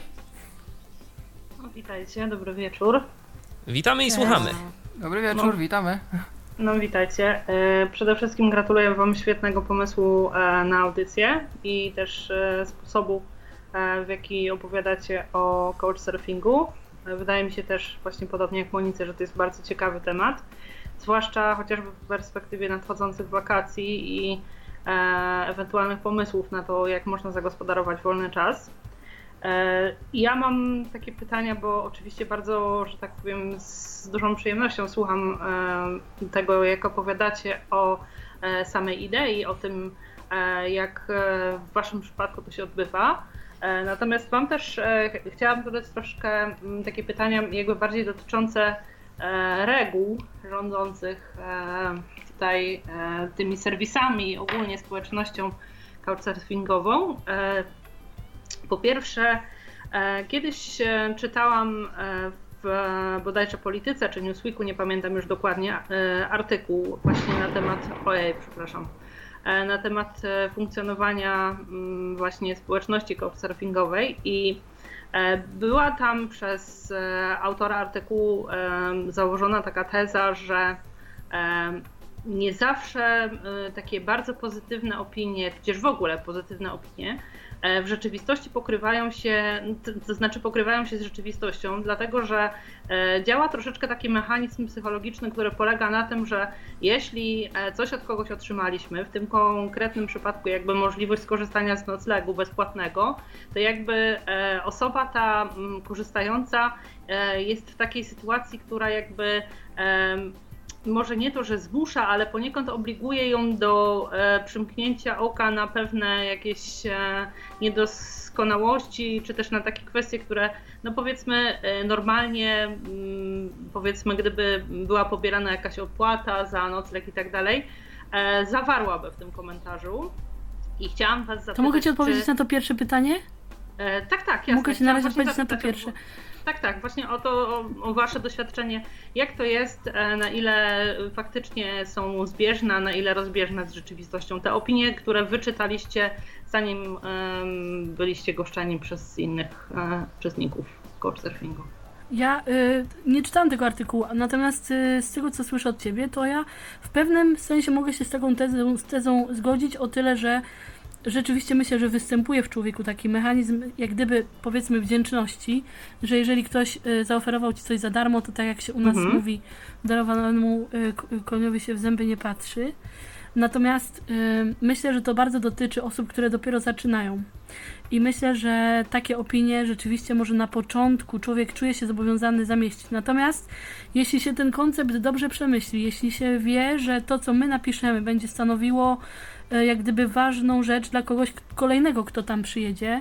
I jeżeli to właśnie weźmiemy pod uwagę, że w pewnym sensie od nas zależy to, czy następna osoba będzie rozczarowana, e, czy też niemile zaskoczona, to myślę, że po prostu dosyć szybko dochodzimy do wniosku, będąc aktywnymi couchsurferami, że nie warto jest niczego upiększać ani koloryzować, a poza tym, jeśli zaczniesz czytać takie opinie i przeczytasz ich bardzo wiele, to szybko dojdziesz do wniosku, że bardzo łatwo jest rozpoznać opinię, która nie chciała być niegrzeczna, mm, to znaczy chodzi mi o to, że nadawca takiej opinii, czy też ktoś, kto ją wystawia, Inaczej pisze osoba, która jest naprawdę zadowolona z pobytu i ma e, coś konkretnego do powiedzenia na temat e, couchsurfera czy mieszkania, a inaczej pisze osoba, która zwyczajnie nie chce być niemiła. To są po prostu zupełnie dwie różne opinie. Jedna jest, e, e wiadomo, prawdopodobnie nadal grzeczna, ale sucha i dosyć krótka zwykle, Natomiast w momencie, kiedy ktoś naprawdę spędził miło czas z tą drugą osobą, napisze o tym dużo więcej i w zupełnie inny sposób. Także po zapoznaniu się już z kilkoma czy kilkunastoma opiniami, sama będziesz y, po prostu czuła, czy, czy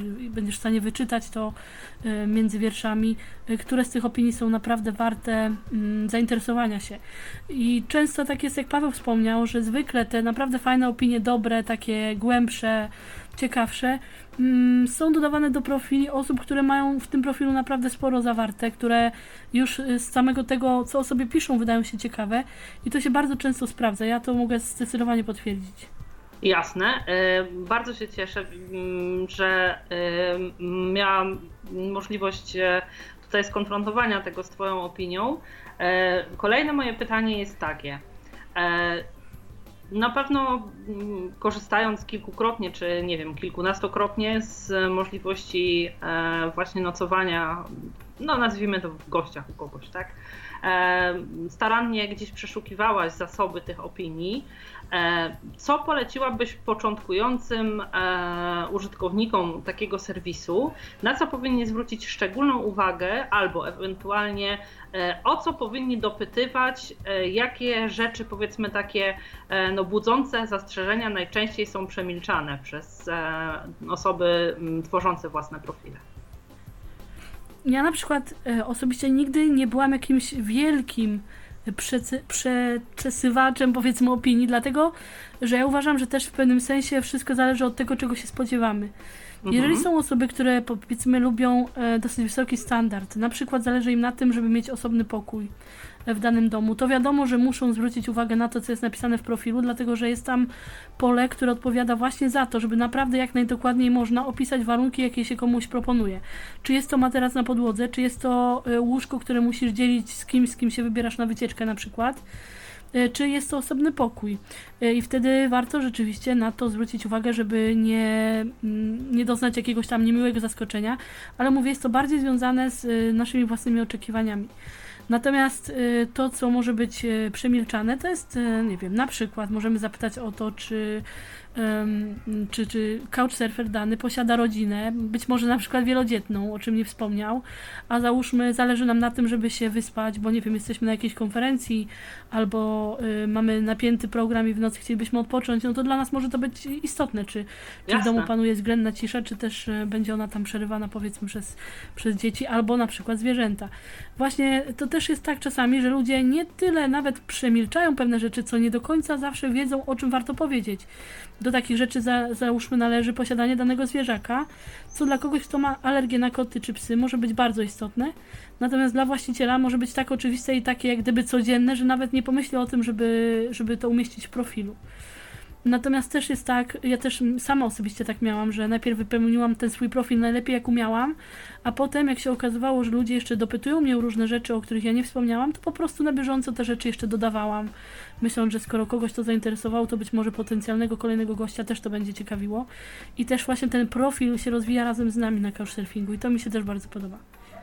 Jasne. Mi bardzo się podoba właśnie e, sama idea, pomijając już ten jakby taki najbardziej oczywisty fakt, że e, pozwala stosunkowo tanim e, kosztem odwiedzić różne ciekawe miejsca, pozwala też poznać nowych ludzi, e, to z tego, co tutaj opowiadacie, bo szczerze mówiąc nigdy nie miałam kontaktu z kimś, kto korzystałby z takiej formy, e, nie wiem, podróżowania, nawiązywania nowych znajomości, E, Trochę jest to też tutaj taka jakby, no dla mnie przywraca wiarę w człowieka w takim kontekście e, jego jakby bezinteresowności, e, gotowości do dzielenia się swoim czasem, swoim doświadczeniem, a nie tylko swoją kanapą. E, I jeszcze jedno pytanie, jakie mam, to chciałabym Was zapytać o takie mm, zderzenie Waszych oczekiwań już później z tą rzeczywistością.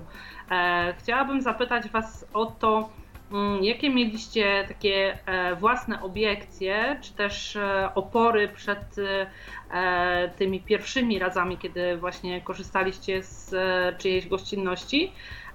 I o takie rzeczy, które najbardziej Was w trakcie tych spotkań z tymi ludźmi, nie wiem, zaskoczyły, wzruszyły, które były dla Was takim jakby najcenniejszym doświadczeniem emocjonalnym. To Pawle, może teraz ty coś powiesz, bo tak przycichłeś.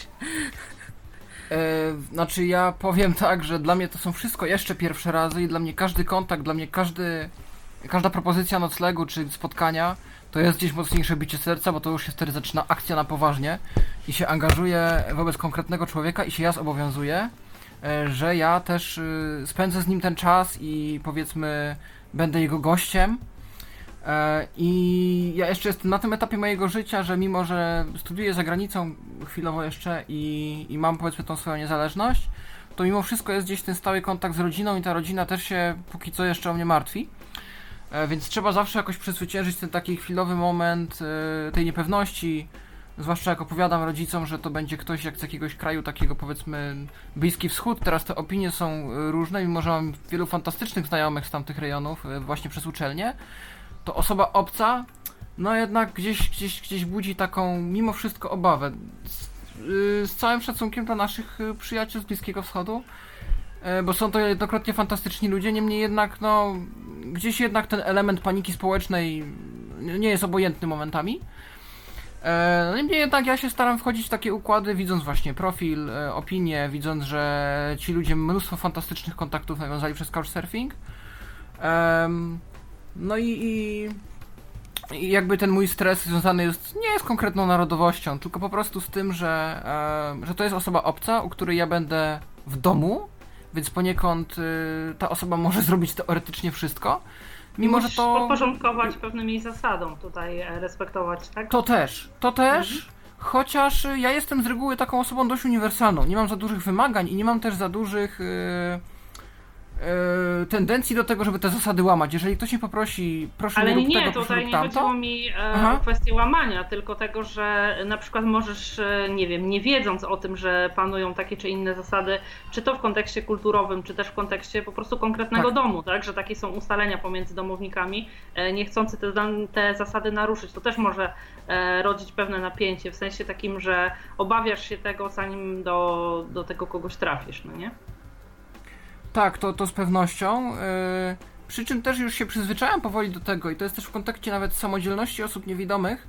Jeżeli popełnię nawet jakiś najbardziej kardynalny błąd, yy, osoba, która chce yy, osiągnąć moje dobro, czyli chce wygłosić jakąś krytykę pod tym kątem, żebym yy, ja z tego osiągnął rozwój osobisty i coś zrobił następnym razem lepiej, żeby mi się lepiej żyło, zwróć mi w sposób yy, nie, nie przesadnie delikatny, ale też bez y, przesadnej jakiejś dozy, powiedzmy, nie wiem, y, y, czy współczucia, czy, czy napastliwości, e, uwagę, że Mhm. no słuchaj, no my tego nie robimy tak, teraz opowiadam wszystkim historię, jak to tydzień temu mm, miałem udko z kurczaka, które nie do końca też chciałem, ale tam przez to, że troszeczkę byłem zamroczony i jakoś inaczej sobie wyobrażałem danie, wziąłem sobie i jako, że tam gdzieś już przegrywałem z tym mięsem, poprosiłem o pomoc. E, Problem w tym, że koleżanka, która mi towarzyszyła, była wegetarianką. Dla niej to był może nie problem, ale podkreśliła, że jest to dla niej trudne. I ja powiedziałem, że okej, w porządku, w takim razie poradzę sobie w inny sposób. E, Ale ona stwierdziła, że nie, dobrze, jeżeli tak jest taka sytuacja, jeżeli trzeba, to nie ma problemu. Niemniej jednak ja e, troszeczkę się zaczerwieniłem i wiem, że następny raz przy tej osobie już będę bardziej ostrożny. E, No i na pojednanie, które no, chyba nie było w sumie potrzebne, ale że tak powiem, taki gdzieś tam gest wyrównawczy, wziąłem sobie następnym razem e, hamburgera falafel. Aha, o super, super. Dobra, to w takim Więc razie nie zabieram wam Z tego typu. Więcej czasu. E, Zostaję z wami, słucham i jeszcze raz gratuluję świetnego pomysłu na podcast i do usłyszenia gdzieś tam w przyszłości. Trzymajcie się, na razie, hej. Do usłyszenia, Dzięki Lu, za telefon. dzięki, Za telefon, dzięki za telefon. A Moniko, jeszcze może ty właśnie do tego ostatniego pytania Ali coś, coś dodasz. No, akurat będę już tutaj może krótko, y, ale chcę powiedzieć, że po pierwsze to jest fajny, fajna rzecz, którą tutaj poruszyli y, Ala i Paweł, mianowicie to o tych właśnie y, takich zasadach rządzony, rządzących w konkretnym domu. Chcę powiedzieć, że to jest właśnie taka trochę może niezbyt jakoś tam szeroko opisywana, ale chyba w miarę coś, to my powinniśmy się dostosować do tego, co dzieje się w domu, a nie odwrotnie. Czyli jeżeli właściciel ma jakąś tam, mm, nie wiem, jakąś e, rutynę e, codzienną, to po prostu powinniśmy to uszanować. Jeśli załóżmy wszyscy domownicy idą spać o dziewiątej, e, to powinniśmy się postarać, żeby o tej dziewiątej już było cicho i żebyśmy mogli się zająć sami sobą i nikogo tam, gdyby już nie kłopotać swoją osobą, czy też różne tam inne mogą być domowe rytuały. Natomiast, co mnie jakoś tak ujęło, pamiętam na samym początku, kiedy pierwszy raz pojechaliśmy na couchsurfing i właśnie w Londynie nocowaliśmy u, u takiego już e, starszego e, pana, który mieszkał sam w dosyć dużym domu i dostaliśmy właśnie osobny pokój dla nas. Co mnie wtedy ujęło, to to, że pierwszego wieczoru, kiedy tam przyjechaliśmy mm, i chcieliśmy po prostu jeszcze pójść zobaczyć coś sobie w Londynie, e, to pan powiedział, że on też gdzieś tam wychodzi do znajomych i wręczył nam klucze do swojego mieszkania i powiedział po prostu, że jak będziemy chcieli wrócić, to w każdej chwili będziemy mieć moż- możliwość otworzyć sobie drzwi, nie czekać na niego, nie dzwonić. I to było dla mnie takie wręcz szokujące w, w tym pierwszym momencie. Taka oznaka zaufania bardzo spodziewałam się, dużego. Że, tak, to jest bardzo dużo tak. y, Tym mogliśmy nam, nie wiem, no, przeszukać mu przynajmniej ten dom i sobie wszystko pooglądać, podotykać i tak dalej. Nawet jeśli nic byśmy nie ukradli, czy mówię, wiadomo, że jak się dostaje klucze, mogliśmy je zgubić, mogliśmy, no, różne rzeczy mogły się wydarzyć, a jednak właśnie e, ten człowiek nam je dał w taki zupełnie naturalny sposób i myślę, że nie byliśmy ani pierwsi, ani ostatni. E, więc, więc właśnie ta, ta, ta, ta właśnie taka, e, powiedzmy, jakaś troszkę szalona część, e, myślę, że w tych couchsurferach jednak tkwi. I no i mi się ona właśnie, e, mi się ona oczywiście bardzo podoba. Okej, to teraz, skoro widzę, że tu telefonów nie ma, nikt do nas nie dzwoni, to myślę, że możemy przejść prezentacji strony najpierw, couchsurfing.com. Ja bym chciała tylko jeszcze jedno Tak. zdanie dodać, jeśli pozwolisz, Jasne. Michale. Oczywiście. Bo spodziewałam się bardzo telefonu, który, mm, w którym padnie pytanie o to, czy to prawda, że couchsurfing jest traktowany jak serwis randkowy, ponieważ ten argument często jest wysuwany w różnego typu artykułach, y, czy też jakichś komentarzach w internecie. Y, No i tutaj chciałabym powiedzieć, że oczywiście to się zdarza, ponieważ to jest serwis y, w bardzo dużym stopniu dla młodych ludzi. Wielu z nich i wiele z nich, wiele z tych osób jest osobami samotnymi. I zdarza się oczywiście tak, że ktoś kogoś gości, bardzo dobrze mu się z nim rozmawia, potem ten kontakt się utrzymuje i gdzieś tam z tego y, tworzą się pary. Y, Zdarza się również tak, że przyjeżdża, nie wiem, dziewczyna do, do mężczyzny i okazuje się, że bardzo dobrze im się rozmawia, a potem e, gdzieś tam to dalej idzie. To nie mogę powiedzieć, że takie rzeczy nie istnieją, bo o tym się też gdzieś tam słyszy. Natomiast na pewno nie jest to główny cel tego, tego portalu i na 100% nie są mile widziane zachowania, kiedy na przykład e, nie jesteśmy zainteresowani żadnym romansowaniem czy randkowaniem i jeżeli e, nasz couch albo, mm, albo nasz gość próbuje w jakiś sposób e, tutaj sprowokować pewne sytuacje, to jest to jak najbardziej powód do tego, żeby wystawić mu negatywną opinię i ewentualnie nawet do tego, żeby go e, po prostu zgłosić e, jako osobę, która nadużywa pewnych e, już w tym momencie praw.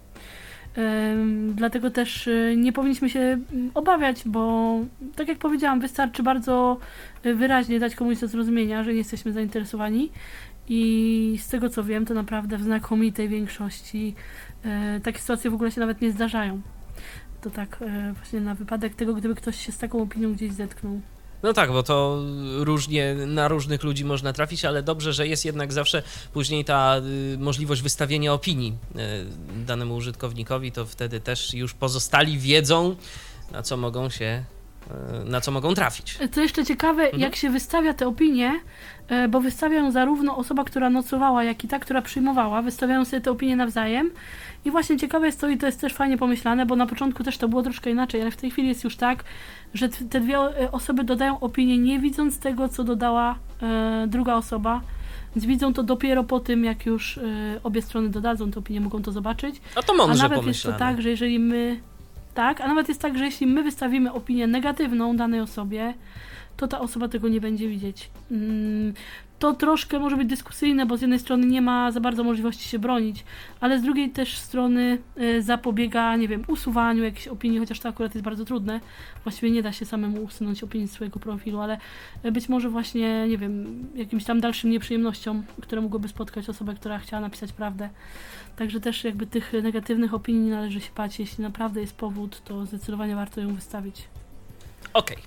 To teraz co? Przechodzimy do prezentacji serwisu. Ja już tu mam wszystko przygotowane, także y, Pawle, Czy mimo to będę mógł Cię, Michale, prosić jeszcze o chwilę technicznej przerwy? a proszę, Na, a proszę bardzo, proszę bardzo, to ja sobie na przelogowanie się Dobrze, i tak to, to ja sobie. To ja sobie jeszcze w międzyczasie też muszę to przestawić. O, żeby jeszcze wrócić do wcześniejszej konfiguracji, ale jak najbardziej nie ma problemu. Ja może tylko jeszcze się w tym czasie Aha. odniosę, żeby jakoś, że tak powiem, Ci ten czas zająć na antenie. Do tego, o co tu pytała Alicja, czyli właśnie na co warto zwracać uwagę, czy, czy to jest często przemilczywane. Przemilczę. Przemilczane. Dziękuję. E, W trakcie ustalania warunków noclegu warto zawsze zapoznać się z drugą zakładką profilu, czyli e, dom osoby, która nas przyjmuje. Tam już e, do tego stopnia jest to rozwinięte, że wiele opcji jest przewidzianych. Czy dozwolone jest palenie, czy nie. Czy dom jest przyjazny dzieciom, czy nie. Czy sam surfer ma dzieci, czy nie. Czy jest przyjazny zwierzętom, czy nie. Czy ma zwierzęta. Czy jest przystosowany pod wózki inwalidzkie. Więc y, mm, plus wszystkie opisy, że powiedzmy, czy w niedalekiej odległości znajdują się stacje komunikacji miejskiej, czy przystanki, czy jakieś y, instytucje użyteczności publicznej, restauracje, kina, jakaś rozrywka. W- o wszystkim, jakie są warunki w domu, czy właśnie to, o czym mówiła Monika, jakiego rodzaju pokój, y, jakie zasady domowe. Często zasady są rozpisane.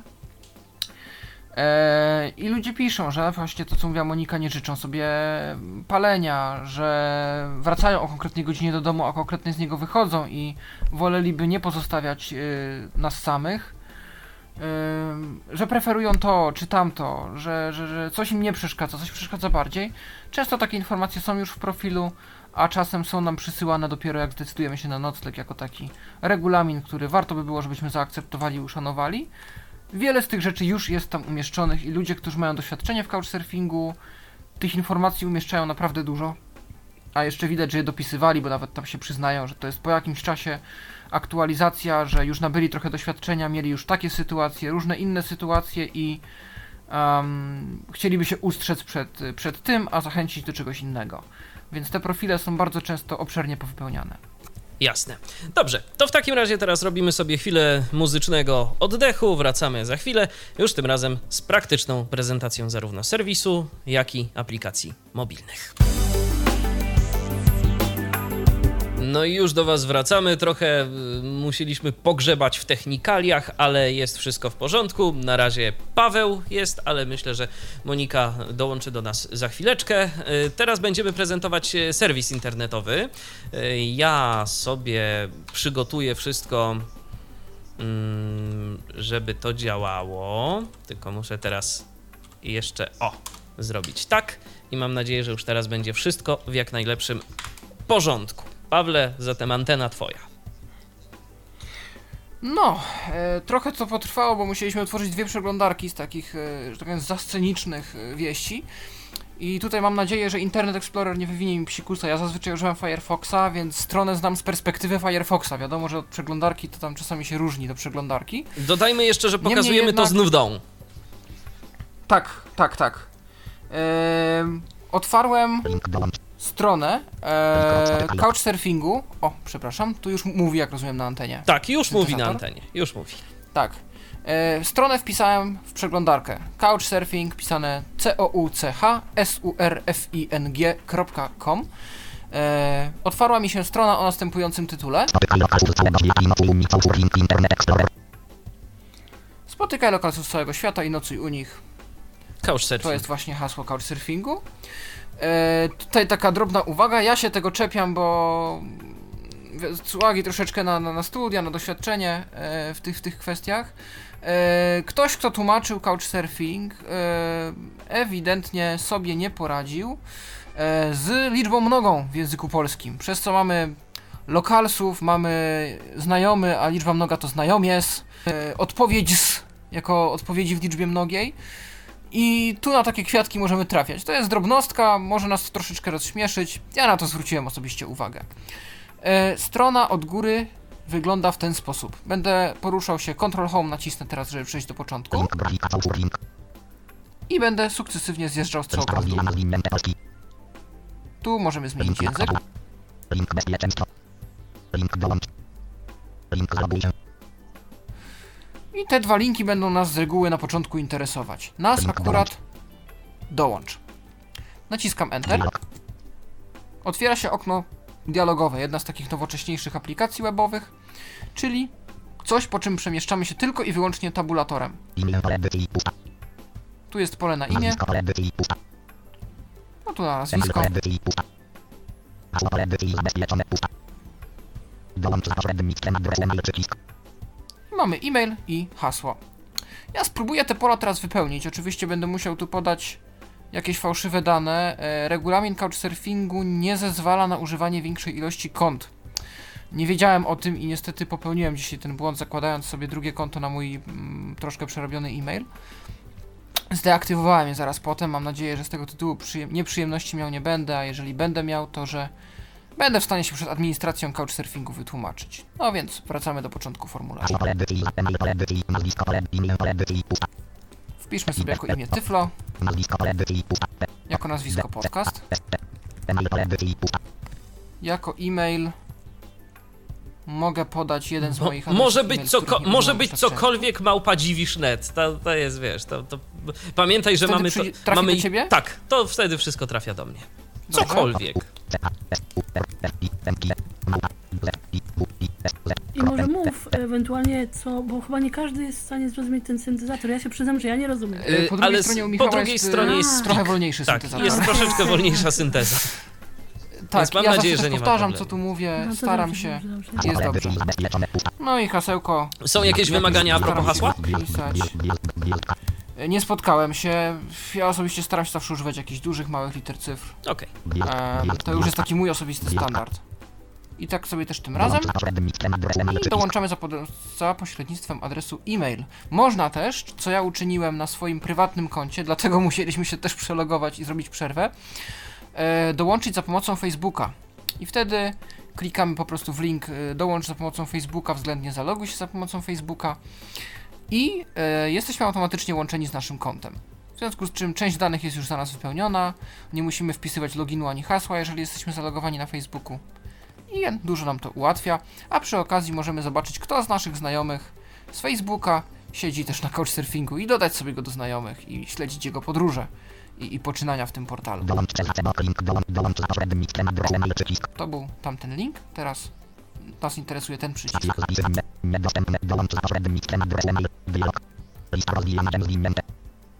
I tu już się pojawił następny etap rejestracji. To jest data urodzenia. Dzień. Czy ja powinienem dostać coś teraz już na skrzynkę, czy jeszcze nie? No, będę śledził tak E, czy jeżeli nie teraz, za jeżeli nie teraz, to dostaniesz za chwilkę. Okej. Tak. Wybrałem pierwszy, jakiś fajny miesiąc. Lipiec. I da... O, czyli jak widać Couchsurfing jest od lat 16 dozwolony. Bo najwcześniejszym rokiem jaki mogę wybrać? Przepraszam, 18. Ten czas upływa. E, od 18 lat dopiero jest Couchsurfing dozwolony. Bo nie mogę wybrać wcześniejszego, późniejszego roku niż 1999. Dobrze, no to przywróćmy sobie te dawne lata świetności. Płeć, może być mężczyzna. Gdzie mieszkasz? To jest to pole, którego ja się w tym całym procesie najbardziej obawiam, bo ym, to miasto nie wystarczy go wpisać. Trzeba je po prostu wybrać z listy, żeby system potwierdził, że to jest autentyczne miasto, które istnieje, a nie, że wymyśliliśmy sobie jakąś wieś, której nie ma. Że na przykład mieszkamy w San Escobar. Y, tak, tak, tak. Ym, dobrze. No to nad morzem jest pięknie. Spróbujmy Mielno. Takie pierwsze miasto mi przyszło do głowy.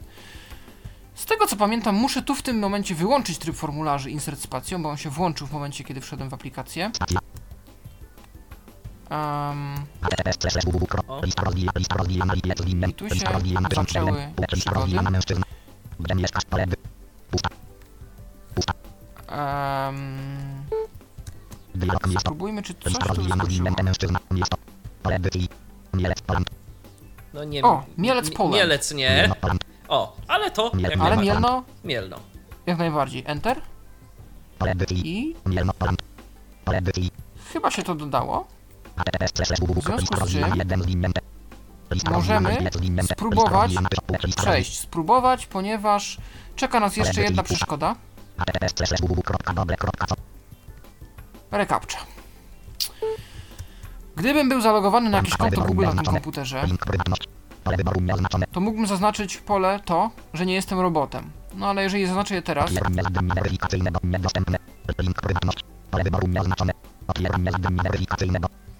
I tu będziemy ono mieli się nie otworzy. I tu będziemy mieli szczerze mówiąc problem, bo yy, dlatego, że nie mam możliwości przekierowania za bardzo audia z tamtego komputera. Tak też pomyślałem, a ponadto chyba przez to, że to jest tryb prywatny kon okna, nie, nawet nie jest. E, Ja bym powiedział, że jest większy problem. E, Ta kapcza się w ogóle nie ładuje. Ale nie, to tak zazwyczaj nie jest. E, Z reguły, jeżeli jesteście już zalogowani na konto Google, to po prostu po zaznaczeniu tego pola, jak już zresztą wielu z Was pewnie doświadczyło, Użytkownik zweryfikowany. fikowany i można spokojnie surfować dalej. Ale to nie jest żadna tragedia. Pokazałem, myślę, najważniejsze aspekty tego tworzenia konta. Potem Ja bym jeszcze dodał, że maila, którym jeżeli. Ja bym, jeszcze, link. ja bym jeszcze tu dodał tak z własnych y, doświadczeń i z różnego tego typu serwisami. Jeżeli wam nie będzie chciało to y, wskoczyć, te, to konkretne miasto, na przykład jak tam mieliśmy Mielec, Poland, Mielno, Poland i tak dalej, jeżeli naciśnięcie na tym Entera nie zadziała, to ja bym proponował po prostu skopiować tę całą wartość, czyli tam łącznie z tym przecinkiem i dajmy na to Mielno tam przecinek Poland yy, i wkleić do tego pola. Może wtedy to zadziała, jeżeli yy, po prostu aktywacja tego konkretnego miasta nie będzie chciała nam pomóc. Bo to czasem, Tak, to, był, to była czasem tego typu, czasem tego typu chciało. pola yy, po prostu w ten sposób się zachowują. No i niestety. Trzeba sobie radzić jak się umie. Ogólnie im, im, im dokładniej, tym lepiej. Jeżeli jesteśmy w stanie podać miasto, przecinek, województwo, przecinek, kraj, To już w ogóle względnie super. miasto, przecinek, kraj, to już jest dużo. To już jest dużo i myślę, że system to przyjmie. Ja żadnego maila nie dostałem, więc przypuszczam, że po prostu tej rejestracji nie, nie dokończymy w tym momencie. Jeszcze zobaczę w spamie. Myślę, nawet byłoby poprawnie, żebyśmy nie dokończyli, bo nawet nie przyszedłem przez kapczę, więc e, teoretycznie mógłbym założyć. No, no, o, wygasło. zadanie weryfikacyjne wygasło. no dobrze, e, nic się nie stało, bo to, co nas by czekało potem, to jest już strona główna, tylko i wyłącznie z tym, z tą adnotacją, żebyśmy jak najszybciej wypełnili profil. To, o czym już wspomniałem. Zresztą to, co jest w profilu, to można na przykładzie po prostu osoby, która już taki profil posiada, zobaczyć. To, co jak gdyby nas będzie czekało do wypełnienia w razie zakładania. Tak, i to też będę się starał za chwilę zademonstrować. Em,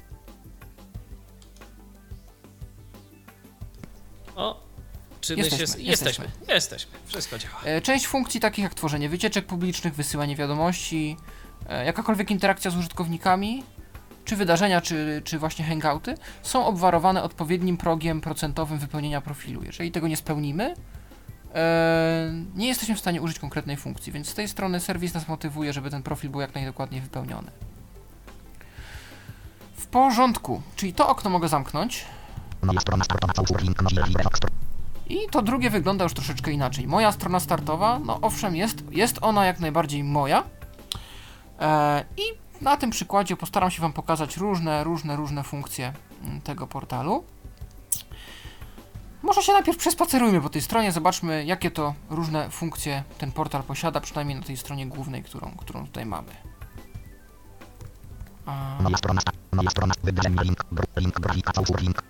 Tak, teraz na link grafika Couchsurfing to pierwszy link, nacisnąłem Ctrl Home i możemy jechać w dół strzałką. Tutaj, tu mnie już zachęca mm, system do przejścia weryfikacji. E, nie zweryfikowałem jeszcze ani numeru telefonu, ani dowodu osobistego, ani tym bardziej e, karty kredytowej, więc A ja dzisiaj właśnie na potrzeby troszeczkę też audycji zweryfikowałam sobie numer telefonu i polegało to na tym, że musiałam go podać, a potem dostałam SMS-a z kodem, który musiałam wprowadzić, tak aby była pewność, że to rzeczywiście mój telefon. E, w momencie, kiedy chciałam zweryfikować e, dowód osobisty, mm, poproszono mnie o zrobienie zdjęcia mm, telefonem, bo to przez aplikację mobilną, e, zdjęcia dowodu. E, i kiedy wprowadziłam adres, był taki przycisk wyślij pocztówkę. I właśnie Couchsurfing y, powiadomił mnie, że w ciągu najbliższych czterech tygodni prawdopodobnie otrzymam pocztówkę, na której będzie też umieszczony kod i będę musiała go ponownie jak gdyby wprowadzić, tak aby była pewność, że rzeczywiście ja pod tym adresem mieszkam, więc ta weryfikacja jest prawdziwa i taka dosyć rzetelna. No i potem jeszcze ewentualnie weryfikacja karty kredytowej, tak? To, to pewnie tam właśnie w tym momencie jest jakaś opłata pobierana zapewne. Tak, tak. e, tak, ale nie do końca jeszcze dotarliśmy do tego, jakie są profity pochodzące z zweryfikowania konta płatnego. E, Na pewno to e, jest jakieś wsparcie serwisu, jest możliwość przyłączenia się też do jakby wsparcia technicznego, z tego co zrozumiałem. E, Z tego co wiem też, oso osoby zweryfikowane mogą wysyłać więcej wiadomości inicjujących. Jako użytkownik darmowy możemy ich wysyłać jedynie 10 w tygodniu.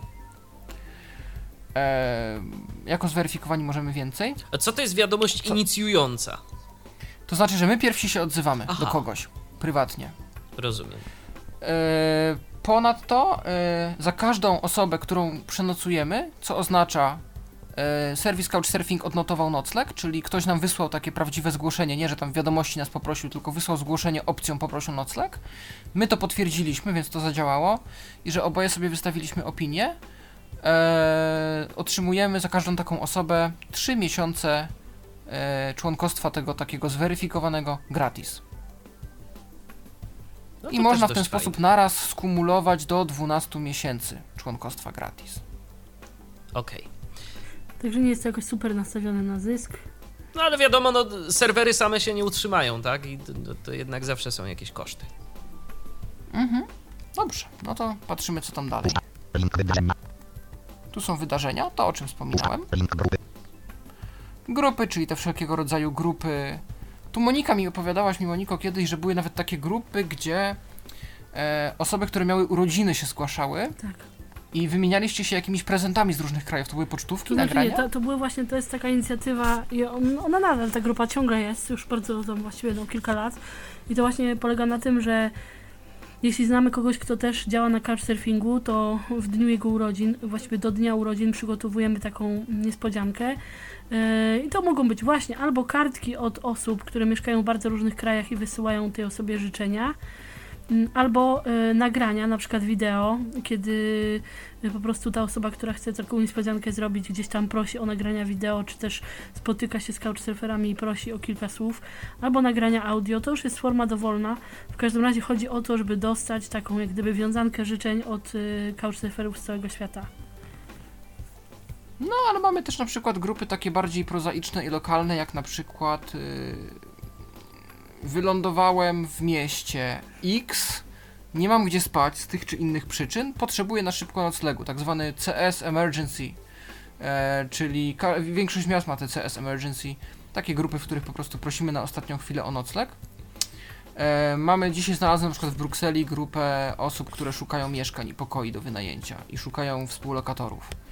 Czyli na różne sposoby w miastach i na całym świecie też tak y, transgranicznie y, pomagają sobie osoby z couchsurfingu na rozmaite sposoby i łączą się właśnie w grupy, które coś robią razem.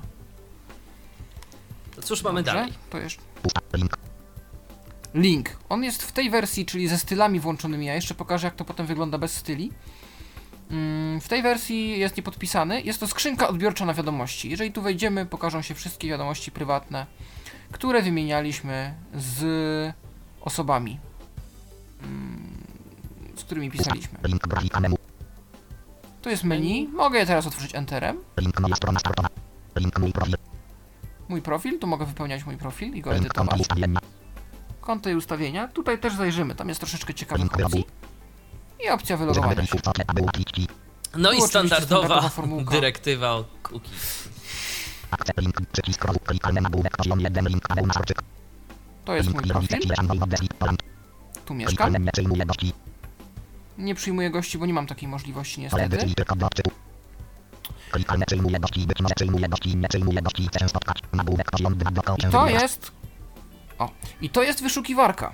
Tylko ta wyszukiwarka w tej wersji taką, jaką my teraz mamy, no niestety nie chce działać. Jest to pole edycji do odczytu, sprawdzałem, nic się nie da wpisać. Te opcje, które są pod spodem, też nie chcą się przełączać i... Adela ponoć miała z tym jakiś sukces, chyba to chodzi o tą część strony. Mi się nie udało, właśnie bez wyłączenia styli. Do tego przejdę za chwilkę. Tu jest nagłówek, już prze, troszeczkę zaspoilowałem, dokąd się wybierasz. I tu mogę wpisać rzeczywiście miasto, do którego mam ochotę odbyć podróż. I to jest przycisk Nagłówek. Poziom wyszukaj. 1. Lista rzeczy do zrobienia. Ale mam też listę rzeczy do zrobienia. To jeżeli już wszystko zrobię, oczywiście zniknie. Poziom 1. Przejdź weryfikację. Aha, I nieśmiertelna to są, weryfikacja to są konta. te rzeczy do zrobienia. Odrzuć. Mogę to też odrzucić i wtedy Nagłówek. zniknie. Poziom 2. Zaproszenie do grona znajomych. Tutaj wyskakują zaproszenia do grona znajomych. Jeżeli ktoś mnie zaprosi, to e, tutaj się to pokazuje. To jest mój znajomy. Istotnie ja już go przyjąłem, mam wrażenie, z dwa razy i cały czas to zaproszenie wraca. Nie mam pojęcia czemu. Mogę kliknąć zaakceptuj, ale nie będę tego teraz robił, bo już robiłem to dwa razy i cały czas to znowu. wraca. Nagłówek. Poziom 1. Poznaj starożytne cywilizacje z fałszerami. I tu już wyskakuje lista takich różnych rzeczy, które Couchsurfing nam poleca, czyli jakieś e, polecane miejsca, które warto odwiedzić. 1. Rzym. I gdybym tu kliknął, to pewnie pokazałoby mi gospodarzy z Rzymu. I tak dalej. Ja może teraz przeskoczę na koniec strony i zaczniemy oglądać od dołu, co tam się znajduje. E, I może uda nam się dotrzeć do jakichś jeszcze opcji. To jest od samego dołu. Ctrl End. Mapa strony. Jakieś regulaminy zapewne. Jak widać, strona operuje już dość długo. Aha, tu są aplikacje mobilne. Znajdują się w, zarówno w Play Store, jak i w App Store. E, też będziemy je prezentować. To chyba są portale społecznościowe. Tak. To są portale społecznościowe, czyli Couchsurfing Chyba na nawet Twitterze, właśnie konta Facebooku. ich, tak? Na, w tych portalach. Tak, Polski. tu jest wybór języka. Sklep. Nie wiem, co jest w sklepie couchsurfingowym. Nie wiesz? No to musimy jeszcze sprawdzić. Pewnie jakieś gadżety, pamiątki. Informacje. Przypuszczam, że koszulki na przykład z napisem Couchsurfing, to pamiętam, że ktoś tam kupował. I to są takie rzeczy, które oni sprzedają jak gdyby z y, promo, promocyjne, które też jak gdyby tam jakiś dochód przynoszą właśnie samemu portalowi. Dlatego warto je kupować. link zobacz więcej podróżników. Link. Link zaproponuj. Link czytaj więcej. A, to ja może przejdę po nagłówkach, bo wiem już chyba w co się wkopałem. Y, Shift H będę skakał po nagłówkach.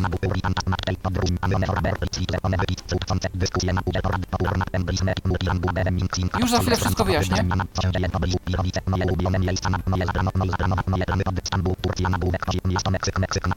A, tu są jeszcze te reklamy polecane. Tu mi polecają miasto Meksyk, Stambuł, żebym odwiedził, Rzym, co nie jeszcze. Moje plany podróży Nagłówek Poziom 1 Ale tu już zaczynają się bardziej interesujące nas rzeczy. Moje plany podróży. No i to prawda, nie mam. No niedawno był Maastricht, ale nikt się nie zgłosił, więc go skasowałem. I gdybym tu nacisnął, co też pokażę za jakiś czas, mógłbym utworzyć zaplanowaną wycieczkę. Czyli to, o czym mówiliśmy, wysyłamy całej społeczności konkretnego miasta sygnał, że chcielibyśmy przenocować u kogoś, bo chcemy zwiedzić konkretne miasto. I wtedy nie piszemy do konkretnych osób, tylko kto zobaczy ogłoszenie, ma szansę zareagować. Tu mogę wejść w moje zaplanowane wycieczki i nimi zarządzać. A tu w moje zapytania o nocleg, tak jak powiedziałem. Nagłówek Poziom 1 Moi zaplanowani goście No tak, a No i to też prawda, bo ich nie mam. Bo ich nawet nie mogę mieć. Tu mogę wyszukać, czy ktoś w mojej okolicy szuka noclegu. 1 Moje zaplanowane wydarzenia Nie ma żadnych zaplanowanych wydarzeń Link przeglądaj wydarzenia Link wszystkie wydarzenia, w których biorę udział Nagłówek poziom 1 Moje ulubione miejsca To jest coś, czego nie ma w aplikacji mobilnej, się zorientowałem. Chyba mogę dodawać miejsca do ulubionych. Nie wiem, czy do późniejszego poziom 1 przejrzenia.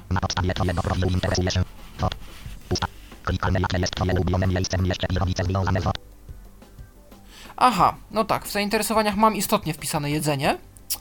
E, I pytają się mnie, jakie to właśnie miejsce związane z jedzeniem mógłbym polecić w Pilchowicach. Chyba ktoś pamięta tą e, pizzerię Miwe e, z, ap- z audycji o Wi-Fi Map. to może to mógłbym polecić. To jest chyba najbardziej znana taka restauracja u nas. Ale dosyć o tym. Mogę ulubionych napisać? Nagłówek poziom 1 Co się dzieje w pobliżu I to jest bardzo interesujące. To jest coś, co interesuje nas, ale interesuje też naszych gospodarzy. Dzięki temu my uzyskujemy e, sukces tak naprawdę na couchsurfingu. Co się dzieje w okolicy? To jest taki panel, on się tu pojawia, jak widzicie, na stronie głównej każdego surfera. Jak tylko sobie spojrzy. I mamy na przykład poziom 1 Link Pirowice Cileżan Województwo Poland Nagłówek poziom 2 wydarzenia. Co to się będzie działo w mojej okolicy w najbliższym, najbliższej przyszłości Link niedalekiej. grafika zdjęcie wydarzenia Soul Restaurant Ocone slash Remstacking Mapping Nagłówek poziom 1 Link Soul Restaurant Ocone slash Remstacking Mapping Link Katowice Książkę Poland Punkt Revery West 2100 Test Punkt liczby uczestników 1 Przycisk dołącz Link grafika zdjęcie Y, To jest wieczór osób mówiących po francusku, czyli jeżeli ktoś się uczy francuskiego, tak jak usłyszał w Katowicach, co wtorek o godzinie 7 wieczór, może przyjść w wyznaczone tam miejsce i e, wziąć udział, porozmawiać po francusku. Czy mamy coś jeszcze? poziom 1 Link Multilan Budem Link Sim Katowice Multi-language Link meetings in Katowice Książkę Katowice. Poland Punkt Revery West 2130 Test I Jeżeli dobrze kojarzę, to jest w pubie Eureka na Świętego Jacka. Tam byłem już z naszym kolegą studi- studyjnym, e, podcastowym Tomkiem Kowalikiem. E, trochę zatłoczone miejsce, trochę jest głośno i ciężko jest się z kimś dogadać. I na początku były problemy strasznie organizacyjne, jakieś rozłamane stoliki na dwoje. To tak a propos tego wydarzenia. liczby uczestników 1 Niemniej jednak jest bardzo ciekawe, dużo osób a przychodzi. ktoś się interesuje już tym wydarzeniem. Y, tak, pewnie. E, znaczy jedna osoba może być też organizatorem tego wydarzenia, Aha, więc. okej. y, więc możliwe, że to jest organizator. grafika zdjęcie Nagłówek poziom 1 Link Embris Mapping I English Meeting. Ten English Meeting to jest właśnie ten, w którym, o którym opowiadałem, że wziąłem w nim udział z moim kuzynem kiedyś. Tak, To nawet, nawet było w czwartki. No i jest tutaj opcja utwórz wydarzenie. Co mamy jeszcze? A i zobacz więcej. Popularna porada. No bo możemy udzielać osobom odwiedzającym nasze miasto. Porad.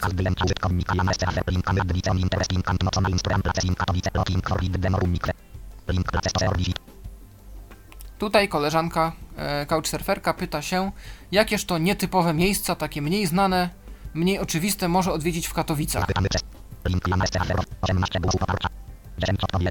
No tak, i tu właśnie tu- zobaczyliśmy, że jest problem z odmianą liczby mnogiej. Tak, jest problem. Niemniej jednak y, jest odpowiedzi, a nie odpowiedź, Tak. jak widziałem ostatnio. I koleżanka, jak widać, odpowiedzi już otrzymała. Więc y, no, myślę, że y, jest zadowolona z swojej Więc i inni mogą też skorzystać. Tak. A to swoją drogą. Jakieś miejsce do pływania interesujące. Tak, jeśli możliwe na zewnątrz. To jest też w sumie ciekawe i ważne, że to, że na couchsurfingu my jesteśmy gdzieś tam gościem i ktoś nam e, użycza swoich jakiś, e, swojego czasu czy, czy kanapy, e, to nie znaczy, że nie możemy o coś poprosić, jakiegoś konkretnego wymagania postawić, czy nie wiem, że coś wolimy nad czymś innym. Jeżeli mamy fantazję, to myślę, że te fantazje warto przedstawić. Ja na przykład trafiłem ostatnio na gospodarza, bardzo żałuję, że jakoś nie udało mi się z nim skontaktować. Zostawił swój numer telefonu i nie odpisał na niego. Możliwe, że to jest y, już nieaktualny numer. Że jeżeli uparłby się jego gość, to on mógłby e, swojego gościa przenocować na balkonie. Ja zawsze marzyłem o tym, żeby na balkonie przenocować, ale to była jedna z takich rzeczy, które rodzice mi odmawiali i wiem, że raz w życiu mi pozwolili. To było fantastyczne uczucie. Właśnie spać poniekąd pod gołym niebem, ale jako, że nie mieliśmy warunków rozstawić namiotu w ogrodzie, to zrobiliśmy taką prowizoryczną, takie prowizoryczne legowisko z, koc, z koca, e, z jakiegoś materaca i czegoś tam jeszcze. I to była naprawdę fantastyczna noc. Pamiętam, że potem się obudziłem rano, było już jasno. Ptaki nawet jakieś śpiewały. I miałem właśnie taką fantazję, żeby jak, jeżeli się uda mi skontaktować z tym człowiekiem, żeby spać właśnie na balkonie, jeżeli pogoda pozwoli. Więc takie nietypowe zachcianki też zdarza się, że są spełnione. Okej.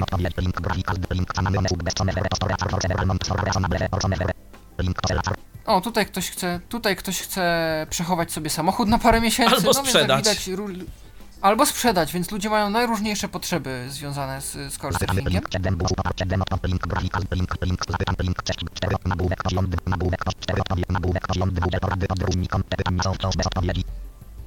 O, można udzielić też porady.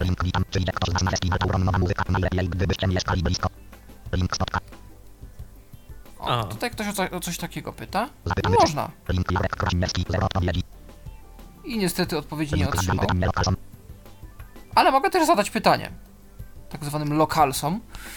E, chyba ostatnio zapytałem kogoś w Hagen, czy nie chciałby ze mną zwiedzić muzeum e, Skansenu. E, tego jak ludzie żyli dawniej, chyba jeszcze w epoce kamienia. E, czy jakoś tak dawniej takie prowizoryczne naz- narzędzia można by obejrzeć. I szukałem przewodnika. Nie dostałem do dziś odpowiedzi niestety. Może jeszcze ktoś się odezwie. Są też dyskusje, czyli można po prostu sobie o czymś porozmawiać w ramach miasta. E, jakieś takie mini forum stworzyć. Tu jest y, dyskusja na temat koncertu zespołu Clutch.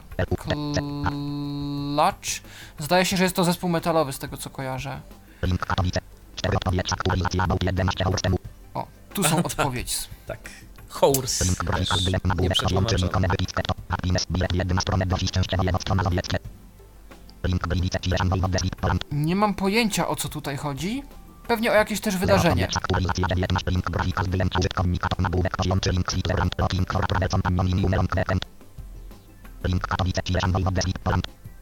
O, ktoś szuka sobie towarzystwa do, wyp- do wyprawy na długi weekend do Szwajcarii. Może to ten długi weekend? Pewnie tak. I dostał jedną odpowiedź dwa tygodnie temu. Ktoś szuka po prostu kogoś, z kim może się napić piwa. I tak dalej. Ja tu już przeskoczę. A mogę też rozpocząć dyskusję, albo zobaczyć ich więcej. I to jest coś, co pewnie interesuje nas najbardziej, czyli podróżnicy szukający noclegu. Link grafika Nactail. Nagłówek poziom 2 link Nactail. Tu jest już jeden taki pan. Znajomość języków Berman Antemblis. Link klient 16 opina. Liczba nocy 2. Sumium 18 Plejum 20. Sam June 18, czyli niedziela 18 do wtorku 20 czerwca. Czyli jeszcze jest szansa przenocować Mata z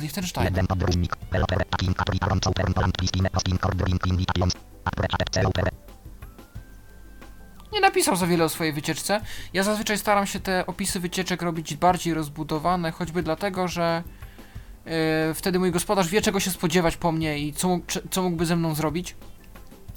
To są te momenty, w których też piszę właśnie, że nie widzę i przydałby się ktoś, kto ma też troszeczkę czasu, oprócz tego, że nocleg. O, i możemy od razu zaproponować temu człowiekowi nocleg e, i go przyjąć do siebie. Link grafika Uritancenko. Nagłówek poziom 2 link Uritancenko. Odwiedzane Tu miejsce ktoś. Do. Gliwic. O, z Ukrainy. z Ukrainy. Znajomość języków Ukrainian Prusan Antemblis. Liczba nocy 5. Znajomość język liczba nocy 5. Plejum 20 Sumium 25. Aha, czyli w przyszłym tygodniu będzie chciał odwiedzić Gliwice.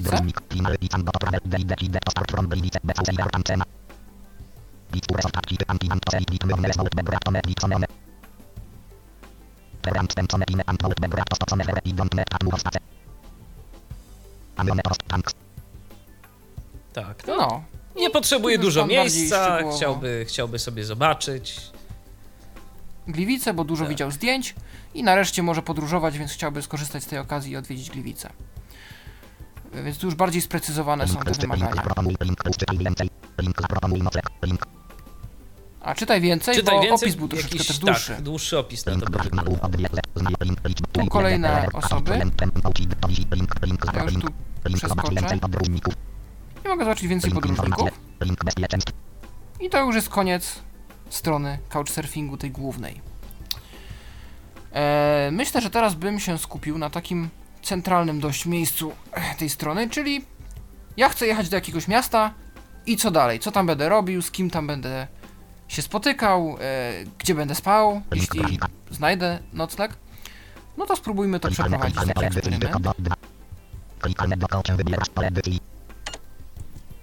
Dokąd się wybieram?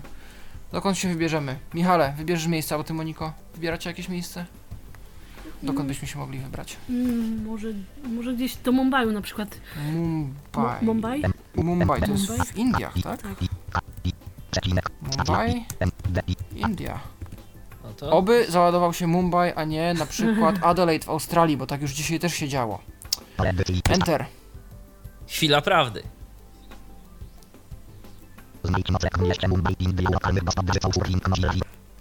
I załadowało się. Bardzo ładnie.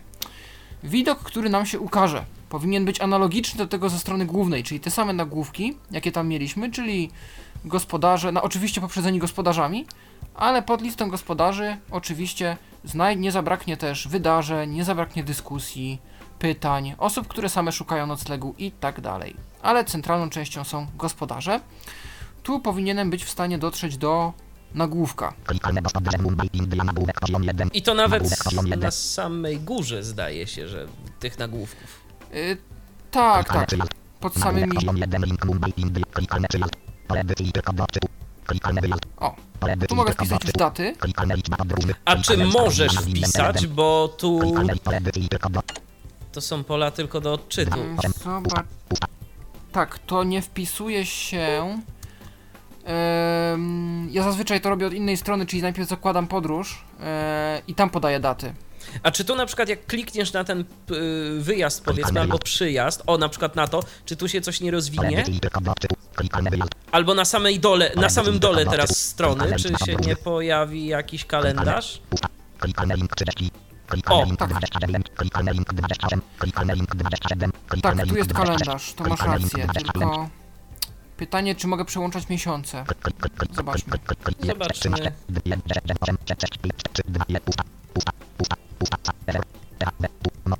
Dni tygodnia. O! I tu chyba są dwa linki, że poprzedni, następny. Klikalne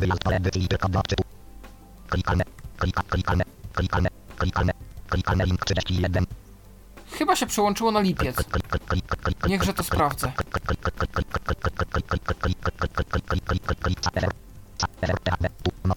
Jury 2017. Tak, przełączyło się. Masz rację. Trochę, No dobrze, trochę to ale my- takie skomplikowane, ale da się mm, z tego skorzystać.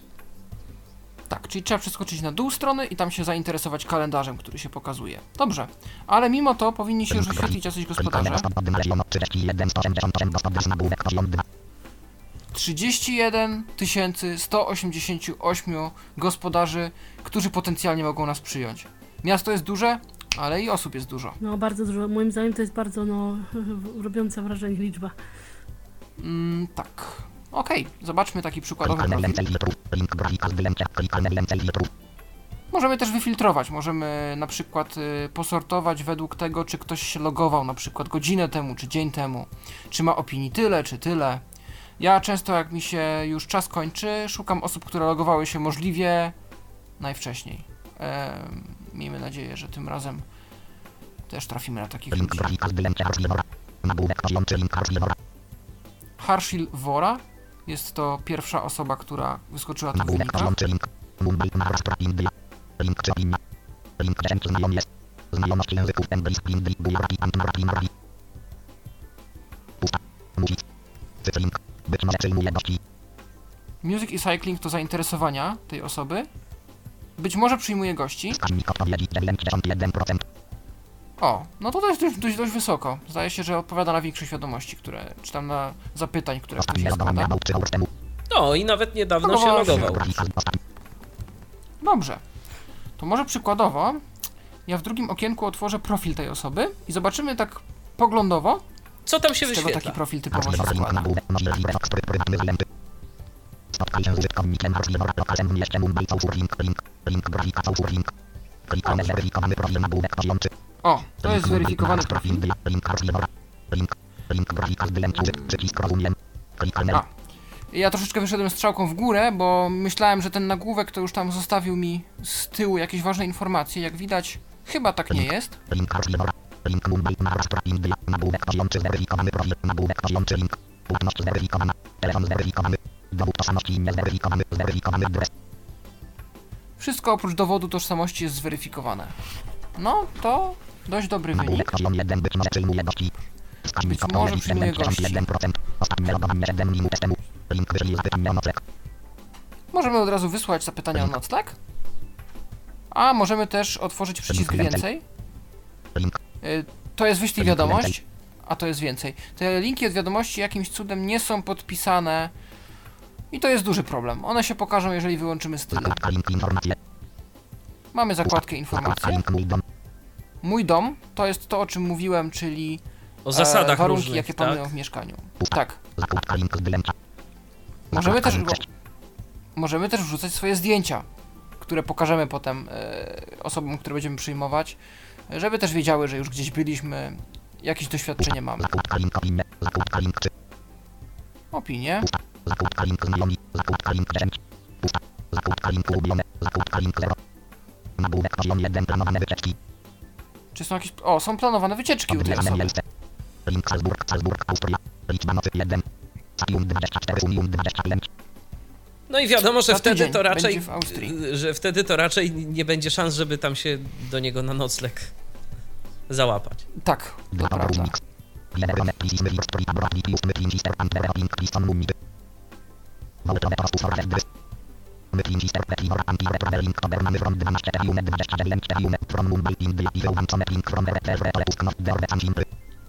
O, mogą...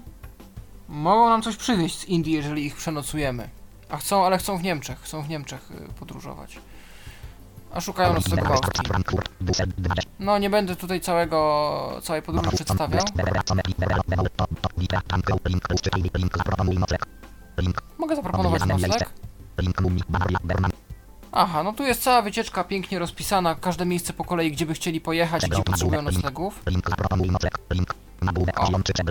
Ale zaraz pod spodem jest przegląd, czyli takie poglądowe informacje na temat tej osoby. Trzy opinie, z czego dwie potwierdzone i pozytywne. Potwierdzone znaczy, że chyba z dwóch stron poszła opinia zwrotna. A tu jeszcze języki. Aha. Okazuje się, że trochę więcej Czyli- tych języków nawet zna. Y, mówi w językach tych, które angielski, hindi, marathi i gujarati, ale uczy się hiszpańskiego i japońskiego.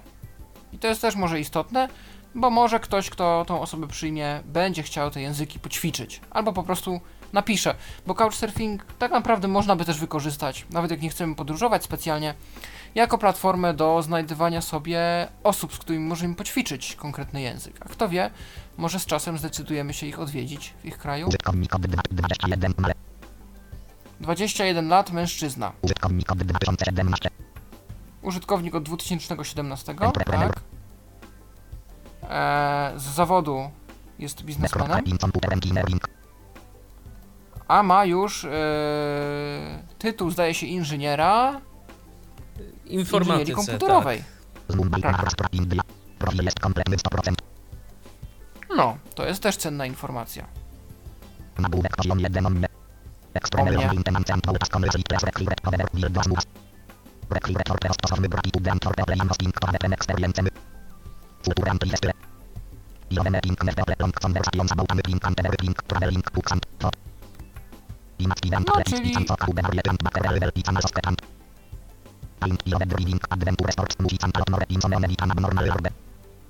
Number of interest and hobbies of income over interactions with people and enthusiasm. Learn things. I'm a student and entrepreneur in studying computer engineering formy Czyli tu mamy dużo, dużo, dużo opisu O tej nim, osoby. tak, Napisał tak. sobie naprawdę Ktoś się mnóstwo. przyłożył Co lubi rzeczywiście do zbudowania swojego profilu. I może dlatego jest na Tak, samym y, początku listy wyników. Też tak może być. Prawdopodobnie, tak. Więc wiemy od razu, co lubi robić, e, czym się zajmuje, e, jakie ma wymagania, że nie wymaga za wiele, że jest w stanie się dostosować do każdej sytuacji. Wiele o sobie napisał, to jest bardzo cenne, jeżeli kogoś przyjmujemy.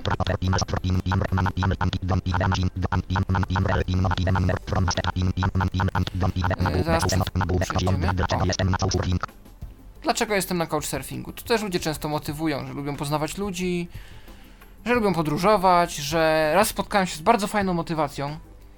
E, pisała ją kobieta, już pani doktor chyba, e, nie pamiętam teraz jakiego kierunku, mm, jak, jakiego, w jakiej dziedzinie. E, natomiast napisała, że ma już tam kilkoro dzieci, męża, ale e, zawsze, odkąd, odkąd była mała, ze swoimi rodzicami, jak wyjeżdżała, nigdy nie nocowali w hotelach, bo hotele nie dają nam prawdziwego odczucia, jak jest w kraju, który odwiedzamy. I to jest coś, co zawsze, wynajmowali jakieś e, mieszkania u kogoś, spali u rodzin, które podejmowały gości. I myślę, że to jest też szalenie ważne i e, to, co jest fantastyczne w couchsurfingu, że podróżując w ten sposób poznajemy kulturę. Dowiadujemy się i nie tylko tak jak można ją poznać z książek na przykład, czyli te jej typowe aspekty, ale też właśnie jakieś takie rytuały życia codziennego, co ci ludzie jedzą, piją, e, jakiego słuchają radia, jak wygląda życie z ich perspektywy, praca, rozrywka, e, życie codzienne i tak dalej. To jest, myślę, nie do przecenienia i tego w żadnym hotelu nie doświadczymy. A ja właśnie mój ulubiony sposób podróżowania, właśnie ponad te wszystkie zabytki, które można zobaczyć, e, wydarzenia, w których można wziąć udział, to jest właśnie poznanie kultury, żeby chociaż przez chwilę poczuć się jak osoba, która mieszka w tym kraju od dawna. Nie jest to wiadomo w 100% z, zreplikowane doznanie, niemniej jednak bardzo blisko. A dlaczego na couchsurfingu jest właśnie e, ten 21-letni Hindus?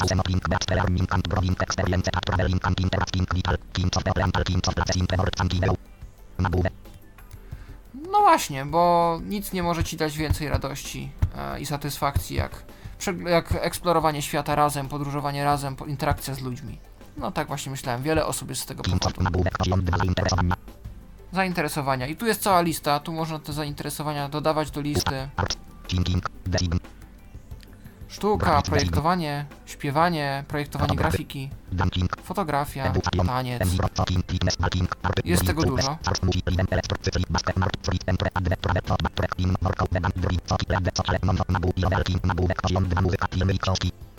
Muzyka, filmy i książki, tu można coś o tym napisać. Nie ma osobnych pól.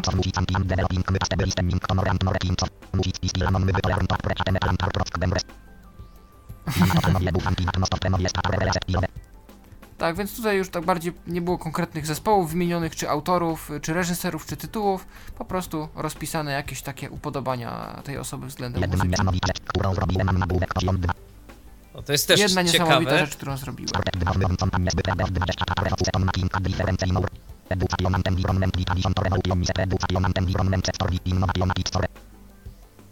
Założył w wieku 20 lat dwie firmy skupione na rewolucjonizowaniu edukacji i środowiska poprzez nowoczesne technologie. No, to jest imponujące. Nagłówek poziom 2 innych uczęszczam udostępnij. To jest właśnie taki rynek, gdzie można się wymieniać umiejętnościami. Ja mogę nauczyć czegoś, ja mogę, ja chętnie nauczę się czegoś i tak dalej. Management, Ktoś może nau- y, nauczyć się od tego człowieka marketingu. Obawiam się, że może być to ciężkie w jeden wieczór, ale jakieś podstawy Ale jakieś porady, jakiś porad może Tak, udzielić. albo na przykład o jakichś doświadczeniach posłuchać, albo właśnie podzielić się może nawzajem jakimiś spostrzeżeniami, jeżeli ktoś też się marketingiem zajmuje. No, oprócz tego fotografia, gotowanie, śpiewanie, języki, którymi mówi. No ja bym się pouczył kurczę. Chciałbym się poznać nowe kultury, poznać nowe style życia, nauczyć się nowych przepisów. No, myślę, że w Polsce by mu tego nie zabrakło.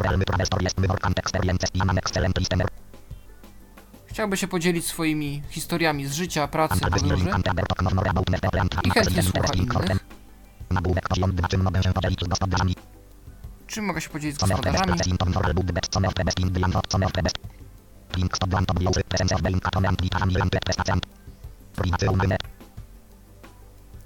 No, czyli może nas ugościć, pokazać nam ciekawe miejsca, przedstawić nam ciekawe jedzenie eee, oraz zapewnić trochę prywatnej przestrzeni. Nagłówek poziom 2 kraje, który byłem. Kraje, w których był, o to trochę mało, ale takie ciekawe, Etiopia i Kenia. E. 2 kraje, w którym mieszkałem. A kraje, w których mieszkał? Tylko. Indie, tak. I to jest w zasadzie wszystko, co wiemy na temat tej osoby, ale to już jest dość dużo. A to I tylko pierwsza myślę, zakładka że- profilu tak naprawdę. Tak, tak, tak. Możemy też przejść do zakładki Mój dom, zaraz to znajdę. Myślę, że to będzie też dość interesujące. Bo raczej zdjęcia nas nie zainteresują. O, Mój dom. I teraz pod nagłówkiem komunikacji, nagłówek poziom 1, nagłówek poziom 2, preferencje użyt komunikacji, maksymalna liczba gości 1. Akceptujesz zamówienie tak. Czyli jeżeli w awaryjnie nie będziemy mieli noclegu, możemy się do tej osoby zwrócić o nocleg w ostatniej chwili. Brak informacji. Przyjazny tak. Przyjazny zwierząt domowych, nie. Czy jest dozwolone, nie. Poziom 2, dom użyt komunikacji. Czy ma zwierzęta domowe, nie. Czy dzieci, nie. W domu, nie. Dostęp osób na inwalidzkich, nie. Poziom 2, warunki noclegu. Poziom 3, pomieszczenie wspólne, pokój dzienny.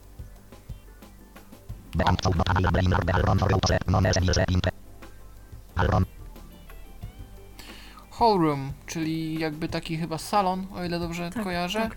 Z łóżkiem i kanapą. Nikt nam nie będzie przeszkadzał. Mamy to dla siebie.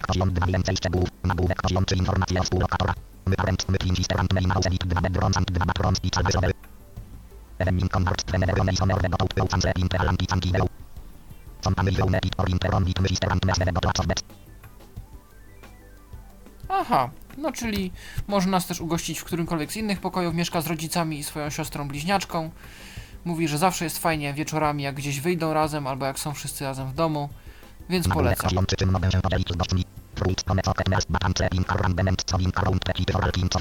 Activities, if, never, cafe, temple, more, use, task, mech, whatever, want, to, input. Owoce, jedzenie, bezpieczeństwo, oprowadzenie po mieście. Wszystko, o co tylko zapytamy, jeżeli tylko są na to możliwości i Nagłówek czas. poziom 3, dojazd, komunikacją miejską, bus, train, chat, walking, calvery, convenient, accessible, stop, station, smerpe. Apartment. Mają niedaleko zarówno stację kolejową, jak i przystanki autobusowe, jak i taksówkę. Nagłówek poziom 3, dodatkowe informacje. Ja mam jable, opening, the tantum, login, traveler, myself, always interested in betting, tokno. Never, plan, plan, experiences. Link, informacje. no i tutaj Tu też. napisał, że jest tak. Że jest Zareklamował otwarty. się, że lubi zdobywać nowe doświadczenia, jest otwarty na nowych ludzi. Tutaj bym dopisał ja osobiście jakieś inne informacje na temat mieszkania, jakieś specyficzne detale i tak dalej. Eee, Dużo osób pisze o tym, co ma w domu, po prostu nie wiem, czy ma telewizor, telefon, Wi-Fi. e, czy ma Wi-Fi, właśnie to też jest teraz ważne. Ale to, to też jakby wiadomo, każdy profil się troszeczkę różni. Okej. Eee, W takim układzie możemy zamknąć ten profil, bo już wszystko, czego chcielibyśmy się o naszym gospodarzu dowiedzieć, przykładowym Może dowiedzieliśmy mogłabym się. pokazać mobilną aplikację teraz, czy jeszcze coś o stronie? Wiesz co? Ja myślę, że chociażby bym spróbował pokazać, jak się tworzy wycieczkę publiczną.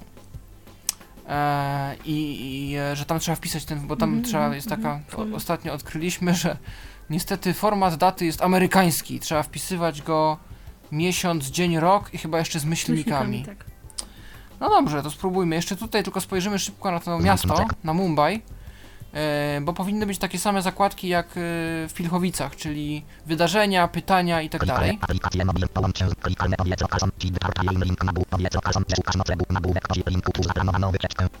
O, mogę od razu utworzyć zaplanowaną wycieczkę w Mumbaiu. To za chwileczkę zrobimy. Ale-. Pytanie, czy mogę dotrzeć do informacji, informacje o... Czyli tak samo jak y, tam jakieś pytania i, i tego typu rzeczy. Tak, tak, tak, tak, tak. Klikalne dostaw digital. Przycisk rozumiem. Link. Przy, klik nagłówek. Klikalne przy, klikal, klik, klik, przycisku, przycisk, wy- nagłówek, poziom 2, dymlezion, 31, 180, No tu mamy te profile. Klikalne aplikacje mobilne na połącz. Klikalne powiedz link ostatni. Link dalej. Strona 1 z A, tu są strony 560. do... O, 1560 stron link, bezpieczeństwo. Chyba z tej pozycji nie mogę, to jest ciekawe. Mam wrażenie, że kiedyś mi się udało do tego dotrzeć. Ale może wiesz, ta strona też y, Eee. gdzieś tam się trochę przeobrażała w międzyczasie. Może, może. Spróbujmy utworzyć tę wycieczkę do Mumbaiu w takim razie. I tu się pokazuje kolejny dialog.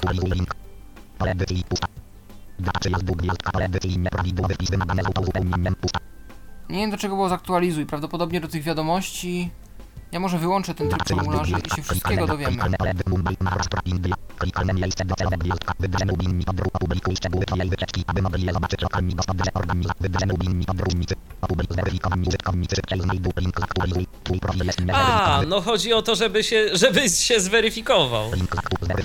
Tak, India. To pole edycji jest miejscem docelowym. Tu już jest wybrany, wybrany Mumbai.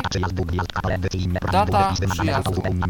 Datę trzeba wpisywać koniecznie, tak jak wspomnieliśmy, format amerykański i z myślnikami. Format Czyli- amerykański, czyli? Przypomnijmy jeszcze raz. Miesiąc, dzień, Rok. rok. Miesiąc, dzień, rok to jest? Wydaje, że rok, miesiąc, dzień, ale Zobaczmy. Spróbujmy rok, miesiąc, dzień. Dwa, zero, jeden, 2017? Minus Myśl- 1, 0, 10. minus 0, 8. Powiedzmy. Sierpnia. Mhm.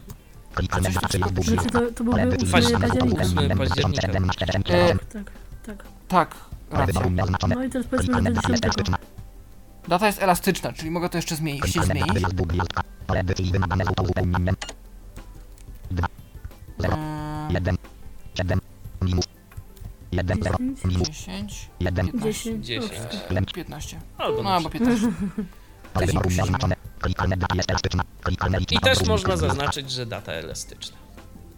Tak.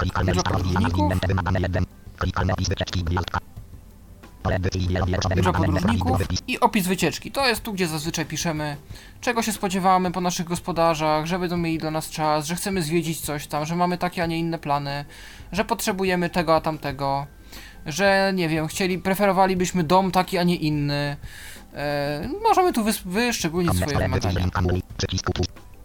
I Jest można przycisk kliknąć utwórz. utwórz. Raczej go nie kliknę, bo Nie Bo nie wybierasz nie się. planuję chwilowo. Tak, wizyty w Mumbaiu. Bilety na październik. Październik to są studia w ogóle. Kurczę, a może? Nie, dobra. Nie, nie, nie, nie. Zmień na E, wrzesień. Dobrze. na wrzesień też są niestety plany. Okej, em, jedna jeszcze rzecz, którą chciałem pokazać, zanim przejdziemy do aplikacji mobilnych, yy, bo tu moglibyśmy tą stronę pokazywać rzeczywiście, tak, Tak, jak o tym długo. myślę, długo. Długo, tak. A E, a jest ciekawa, e, wyszukiwanie osób o konkretnych kryteriach. Jeżeli interesują nas właśnie, tak jak mówiłem, tylko Polacy, albo tylko osoby, które się interesują jazdą na rolkach czy czymś, możemy to zrobić, chociaż nie jest to proste. A ja otworzę stronę Couchsurfingu jeszcze raz, bo chyba weszliśmy.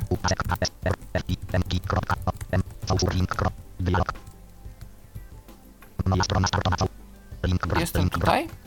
Musimy znaleźć przycisk wyszukaj. On jest pod tym polem, gdzie wpisywaliśmy miasto wcześniej.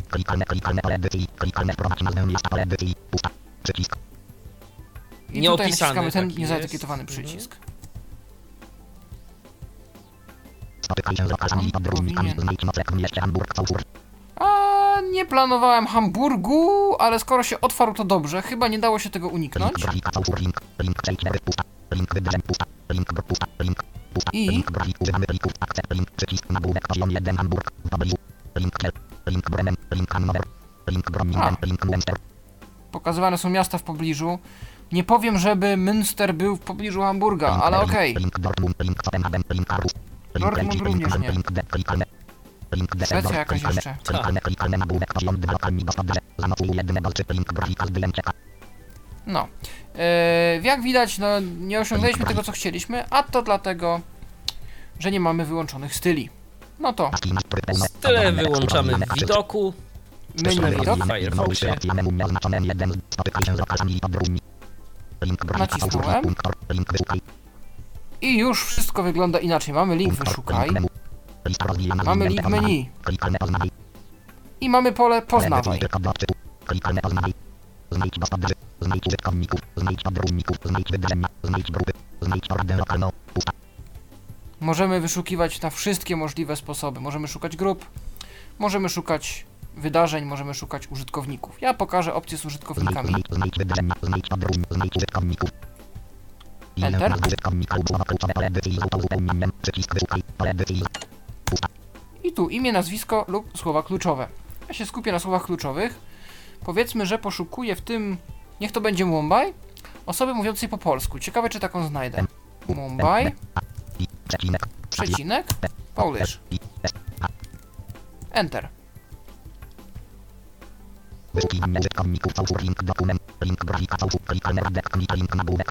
No proszę.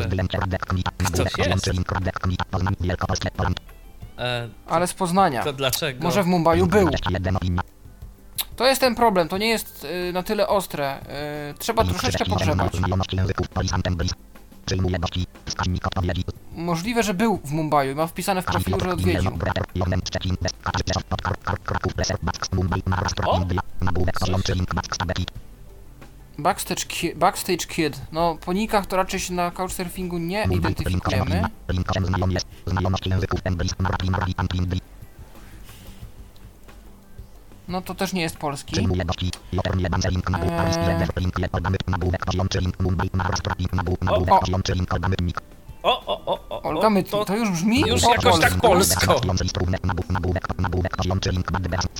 Ja już wam przerwę, ale ja mam taki trochę problem techniczny, ponieważ moja bateria jest właściwie prawie że pusta. Mhm. Mm. I nie mam tutaj jak naładować swojego iPhone'a. I się zastanawiam, czy po prostu możemy się ograniczyć do pokazania aplikacji Na na, Androida? Androidzie. Y, Z tego też powodu, że aplikacja na iPhone'a jest naprawdę bardzo intuicyjnie zrobiona dobrze, w sensie takim, że wszystkie zakładki są opisane, no wiadomości, profil. Dobrze, to I tak tylko dalej. ja, na, ja na moment przejmę y, kontrolę y, i włączę nasz podkład, bo nam się skończył. Okej. Okej, o, i już. To dobrze, Zdaje to- się, to- że w iPhone'ie był tylko jakiś problem z kalendarzem, tak? Z tego co pamiętam. Tak, z kalendarzem to jest prawda, że tam po prostu ciężko jest wybrać samemu daty, jeżeli na przykład chcemy zrobić sobie właśnie jakąś wycieczkę, wtedy to niestety przez stronę y, trzeba zrobić, ale poza tym to zarówno edycja swojego profilu, jak i oglądanie innych profili, czytanie opinii, dodawanie, wszystko to jest zupełnie dostępne. Okej, no ja to w bardzo takim was razie... przepraszam, ale będę musiała niestety iść, bo mam gości, Okej, już, którzy czekają od pewnego czasu, więc ja bym chciała bardzo podziękować za zaproszenie mnie do audycji i e, mam nadzieję, że chociaż kilka osób przekonaliśmy do tego, żeby sobie założyło profile i że będzie z tego korzystać. I było mi bardzo miło z Wami porozmawiać. no i dziękujemy również y, Moniko bardzo za udział. No i to teraz w takim razie prezentuje jeszcze Paweł y, chwilę Tak, stronę. ja tu no jeszcze troszeczkę z wami tak. zostanę. E, no i postaram się tutaj dokończyć. Jak widać, e, znaleźliśmy couchsurferkę z Polski, która mieszka w Mumbaiu. Ma 17 opinii i zna języki polski i angielski.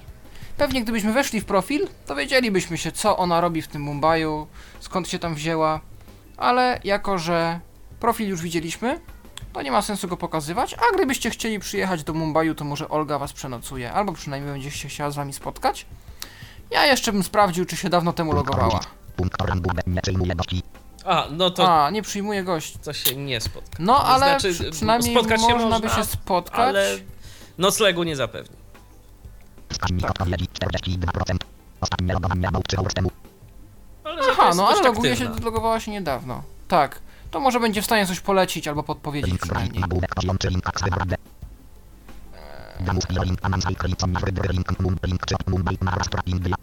O, Ale mamy też Sonię Frydrych Tak. z Link czy Mumbaiu. China. Link 81 znajom jest znajomość języków polis. Być może przyjmuje gości. I już być może przyjmuje gości. Więc, no, kto odważny? logowanie link ostatnie logowanie był 8 hours temu.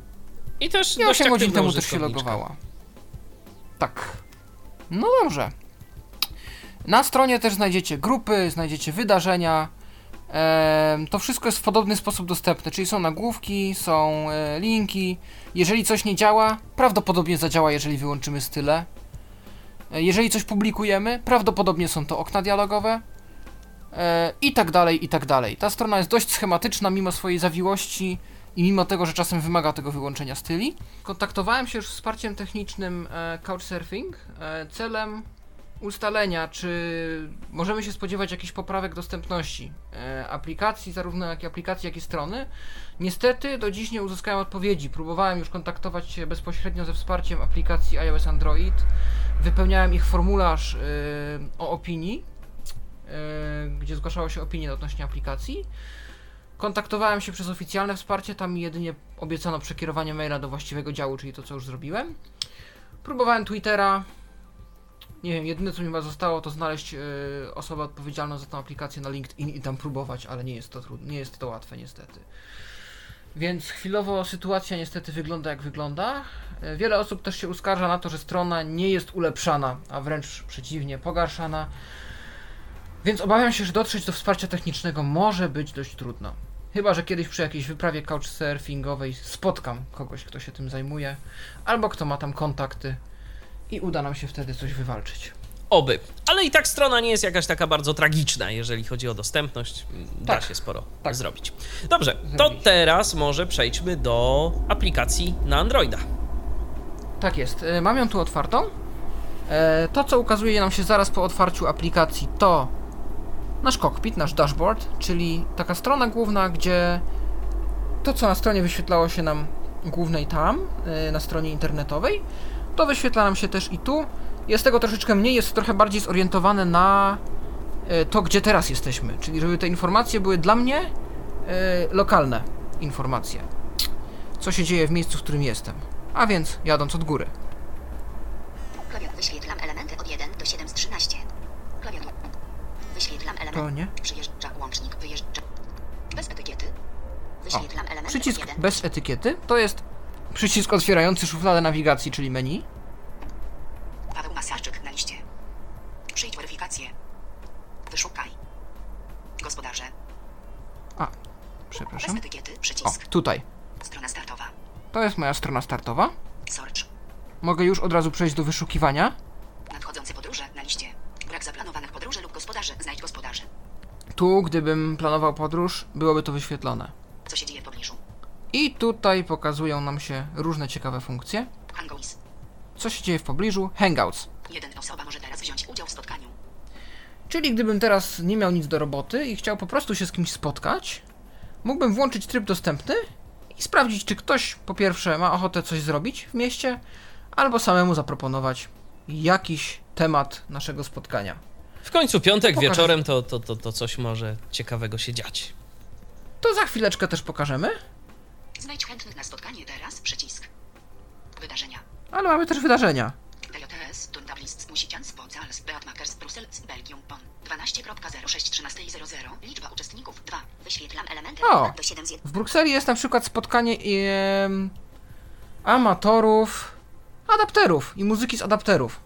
DJ-u, DJ-ów, e, osób, które operują dużo przy e, stołach mikserskich, przy adapterach. No to rzeczywiście to może mogą- być dość, dość ciekawe. I jest to już chyba w po... Poniedziałek? Musicians, Bocals, Beatmakers, Brussels, Belgium, Bonn. 12.06 A, 13 12 czerwca, czyli to już było. Nie wiem dlaczego pokazywane mi są jeszcze wydarzenia z przyszłości. Czyżby one trwały kilka dni? A może po prostu jako jakiś taki re... ten, jakiś taki, taka historia po prostu. No nie wiem. Sprawdź, co, mi, co, co ci ominęło. 16.06 18.00 Liczba uczestników 1 O, a dzisiaj na przykład jest w Brukseli ee, siat koszykówka. Można pograć sobie z couchsurferami w koszykówkę, jeżeli by ktoś chciał. CSW Merking Bruksel Frankfurt KI 21 1000 Bruksel Belgium PT 16.06 20.00 Liczba O, uczestników od jakichś dwóch godzin trwa też spotkanie, cotygodniowe spotkanie couchsurferów w Brukseli. Gdzie jest aktualnie 14 osób, chyba że ktoś się nie zameldował. Jest nawet podany adres do miejsca. Met Drink Tance Possenplay 21 1000 Bruksel Belgium PT 16.06 20.00 Liczba uczestników 10 A jest też jakieś takie spotkanie, gdzie można po prostu się czegoś napić. Można pić i tańczyć i się spotkać. Wyświetl wszystkie przycisk Ale mógłbym też tych wydarzeń przejrzeć więcej, gdybym chciał. Strona startowa poza listą A tu już są zakładki. Skrzynka odbiorcza Dokładnie, takie mamy zakładki. I cóż mogę więcej powiedzieć? Otwórzmy menu. Wydarzenia na liście To ja trochę dwoma palcami muszę zjechać w dół, bo niestety to się aż tak łatwo nie przesunie. Taki jest błąd w tej aplikacji. Nadchodzące podróże są bez etykiety przy menu Paweł Masarczyk na liście To jest link do mojego profilu. Przyjdź weryfikację Oczywiście nieśmiertelna weryfikacja. Wyszukaj. Gospodarze. Podróżnicy. Użytkownicy. Wydarzenia. Profil. Profil to mój profil. Zaproś znajomych. Mogę też zaprosić znajomych. Moi znajomi. Mogę przejrzeć moich znajomych. Moje wydarzenia. Wyświetlam Wydarzenia, w których biorę udział. Moje zaplanowane wycieczki. Tu są moje wycieczki, mogę je edytować, usuwać. Szablony wiadomości. Wyświetlam Szablony wiadomości, czyli na przykład jeżeli przyjmujemy gości, mamy już z tym trochę doświadczenia i wysyłamy w kółko te same wiadomości, na przykład nasze zasady panujące w domu, czy jakieś inne notatki, to możemy już z góry taki szablon sobie zaprogramować. Ustawienia. Tu są ustawienia, Pomoc. no i pomoc. I pomoc, tak. Okej. To może w takim układzie ja przejdę do zakładki, jaką są Hangouty, bo to jest jedna z ciekawszych funkcji aplikacji mobilnej. No, czyli nawet jak nie chcecie podróżować, czy wyjeżdżać gdzieś daleko, a może będziecie mogli się z kimś w waszym mieście spotkać? Może będzie to ktoś z zagranicy, nigdy nie wiadomo. Przyjmo. Bez etykiety. Przycisk. Teraz niedostępny. Wy. Przyłącz. Wyłącz przełącznik. Mam wyłączony status. Wybrano. Dostępny. Moje hangouty. Dostępny, czyli e, kto jest w tym momencie dostępny? Moje hangouty, czyli hangouty, w które się zaangażowałem. Widok z wieloma stronami. Bądź dostępny. A aby zobaczyć spotkania w pobliżu. Strona. I jeśli nie włączę statusu dostępny, to nie będę dostępny. Oczywiście. Przyłącz. Aktualizowanie dostępności. Surfing. Jesteś dostępny na spotkanie. No, no to jestem dostępny na I spotkanie. możesz zobaczyć, co się tu dzieje Tak. teraz, tak? Tak, wpisane mam chcę drink coffee or tea.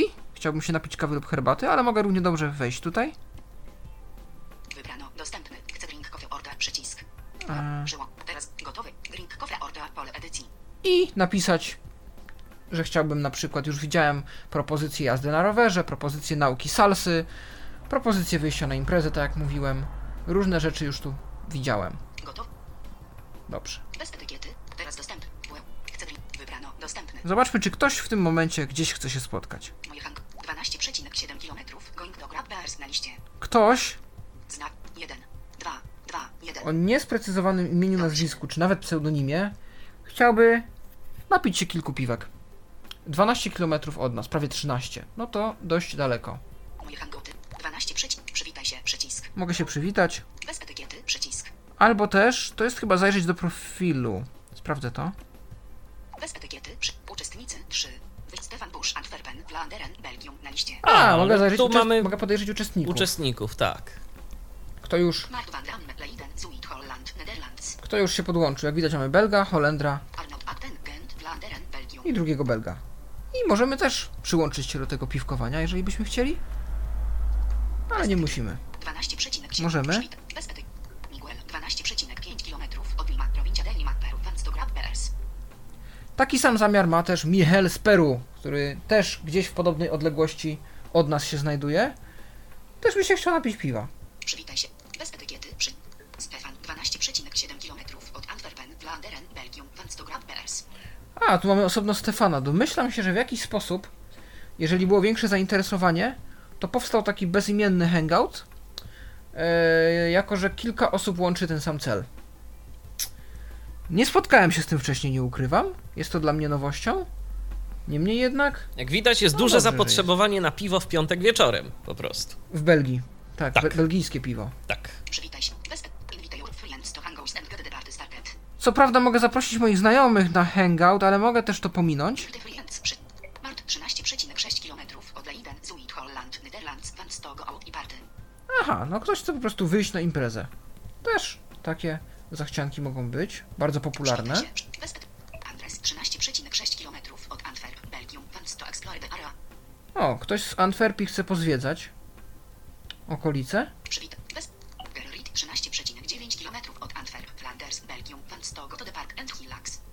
O, a ten pan też jest z Antwerpii i chciałby pójść z kimś do parku, po prostu poodpoczywać. Arnab 14,5 km od Gent, Vlaanderen. Patrzę, czy mam jakieś bardziej egzotyczne postaci niż tylko Belgia. Zjań 14,5 km od Antwerpen, Vlaanderen. Strona startowa, poza listą. Chyba się nie doczekamy. Chyba nie. To No nic. Ja może wyłączę Dostępny. mój status dostępności. dostępny. Tak. Przyłącz. Aktualizowanie dostępności. Surfing. Teraz niedostępny. Bez... Przyjmowanie gości. I mógłbym na przykład też y, spróbować pokazać czyjś profil, nawet Profil. chociażby własny. Mhm. Han... Skrzy... Strona startowa. St... So... Wyś nadchod... Brak zaplanowany... Nad... So... St... Bez etykiety. Menu. Gospodarze na liście. Podróż... Uży... Wyda... Profil. Surfing. Paweł Masarczyk. Klicho. Bez etykiety. Przycisk. Liczba opinii 3. Nie przyjmuje gości. Wskaźnik odpowiedzi. Przyjdź weryfikację. Z wieloma stronami. Doświadczenie. Nie gościłem. Am. Jeszcze nikogo ani nie surfowałem. Am. Pochwała. Nie mam jeszcze pochwał. Przegląd. Achart. Grafika. Przeczytaj opinię. Przy... Wybrano informacje. Mój dom. Zdjęcia. Aha, i tu są zakładki profilu. Bez etykiety. Przycisk. Paweł Masarczyk. Tak. Twój profil jest kompletny. Bez etykiety. Przycisk. Twój profil jest Pytanie, czy mogę go przeczytać? Paweł, bez etykiety, przycisk, zdjęcia. Mój dom. Bez etykiety, Mam przycisk. wrażenie, że nie. Bez... Widok z wieloma stronami, ucz innych. Widok z wieloma stronami, ucz innych, ucz się sam, dziel się wiedzą, dlaczego jestem na surfing, muzyka, filmy i książki, kraje, których byłem, am, kraje, których mieszkałem, am. No i tu wszystko niby jest, ale jakoś bez informacji jakichkolwiek. Widok z wieloma stronami, ucz innych, ucz... Tak. Nie jest to odczytywane.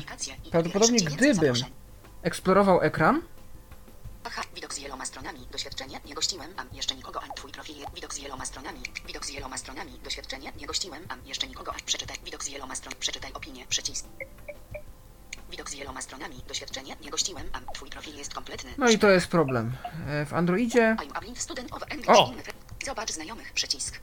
Coś trochę było. przesuwałem. Przeczytaj opinię, przy... wybrano, mój dom. Tak. E,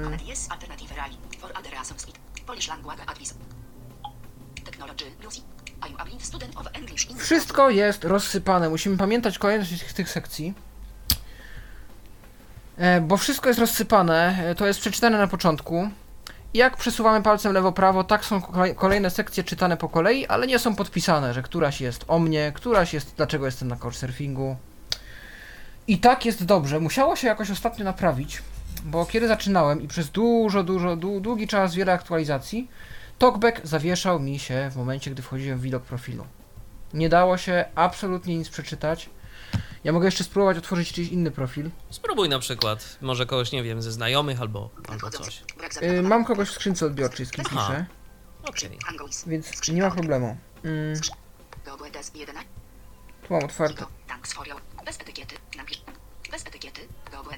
To chyba, a ten bez etykiety to jest co? Sprawdzenie? Właśnie. To było wyjście wyżej. Aha, wyjście wyżej, dobrze. Więcej opcji. Przycisk 10.06. Hej Paweł. Bez 10... Hej 10. Hej... Wchata- Tu są wiadomości, które normalnie mogę 10.0. przesuwać. Napisz wiadomość. Pole... e- Bez etykiety. Tu można wysłać wiadomość. A jak nocleg. profil? Ustaw szablon. Wied... Całk słów. Bez... Mm. Gang. Archiwizuj. Oj. Liczba opinii 28. O, 6. otwarł się profil. Być może przyjmuje gości. Wskaźnik odpowiedź. Zweryfikowany użyt. Płatność. Telefon. I w tym momencie zaczyna się wyzwanie. A hard. Grafika. Przeczytaj opinię. Przeciw. Wybrano informacje. Mój dom. I chyba znowu będzie to samo. Zauważcie, że bardzo mi się zacina talkback w tym momencie. Aha. Praktycznie o, o, o, nie jestem w stanie nawigować.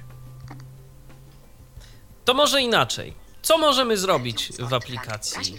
Bo no to nie ma specjalnie sensu korzystanie z przeglądania profili, chyba. O, teraz nawet idzie. Powolutku, Zdjęć. Powolutku. Wymaga cierpliwości, ale do czegoś się doklikamy. Natomiast zacina się strasznie i dużo bardziej polecam przeglądanie profili przez stronę. To jest straszny błąd, został już zgłoszony i tak jak mówię, no nie ma niestety reakcji e, na to, co się w tym momencie dzieje. To może inaczej. Co możemy na pewno w, w przypadku Androida w, w miarę komfortowy sposób zrobić?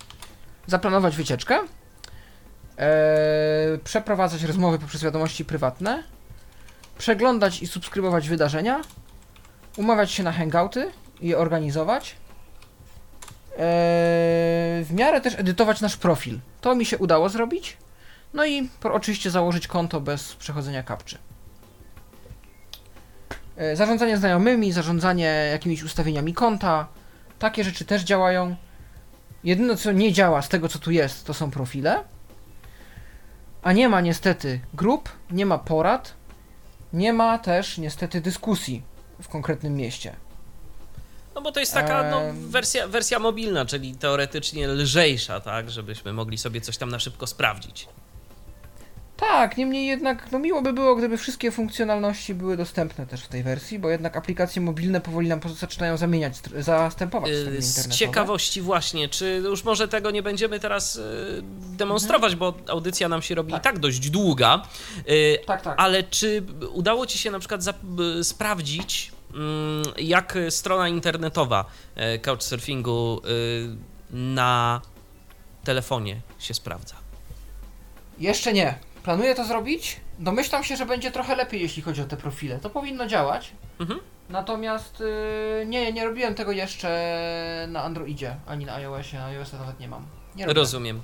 No ale w każdym razie, no coś pokazaliśmy. Pokazaliśmy na pewno stronę internetową, aplikację. No, myślę, że już nasi słuchacze też we własnym zakresie będą w stanie gdzieś tam wyeksplorować sobie nieco bardziej. Yy, To co, Pawle, no bo Moniki nie ma już z nami. Yy, Tak na podsumowanie yy, z Twoich doświadczeń couchsurfingowych, polecasz? Jak najbardziej.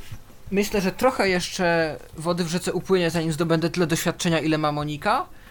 E, wam życzę, żebyście też się tam wspinali i się przede wszystkim mieli odwagę. I to jest taka ogólnie życiowa też porada. Miejcie odwagę i prosić o pomoc, i zgłaszać konkretne rzeczy. Nie nadużywajcie tego przywileju, ale ten świat jest też dla was, żeby go obejrzeć, żeby go zwiedzić, żeby najwięcej z niego wyciągnąć, ile się da. I ci ludzie są bardzo otwarci, bardzo życzliwi, jak i ludzie w ogóle, w dużej części. I chcą nas poznać, i chcą z nami rozmawiać, i są też wielokrotnie ciekawi naszej perspektywy na świat.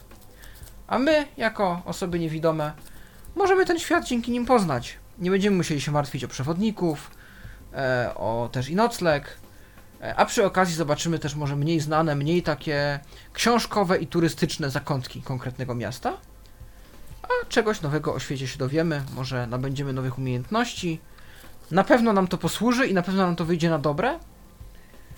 Yy, No bo tak naprawdę dzięki temu cały świat stoi otworem. Wyobraźcie sobie, że możecie w tym momencie zainstalować jedną aplikację, czy otworzyć jedną stronę i za jej pomocą zaplanować wycieczkę na za tydzień, jeżeli tylko znajdziecie sobie odpowiednie możliwości transportu. Samolot, czy autobus, czy pociąg. Nie musi być daleko, to mogą być Czechy, to może być Słowacja, ale po prostu zaplanujecie sobie takie wakacje, o jakich wy marzyliście, pojedziecie na nie, przeżyjecie i wrócicie. Teraz, już w tym momencie. Możecie to zrobić. I tym optymistycznym akcentem kończymy naszą dzisiejszą audycję o couchsurfingu, o którym opowiadali moi dzisiejsi goście Monika Zarczuk-Engelsma i Paweł Masarczyk. Dziękuję bardzo, Pawle. Dziękuję również. Do następnej audycji. Do następnej audycji również mówię ja, Michał Dziwisz, kłaniam się. Do usłyszenia. Był to Tyflo Podcast. Pierwszy polski podcast dla niewidomych i słabowidzących. Program współfinansowany ze środków Państwowego Funduszu Rehabilitacji Osób Niepełnosprawnych.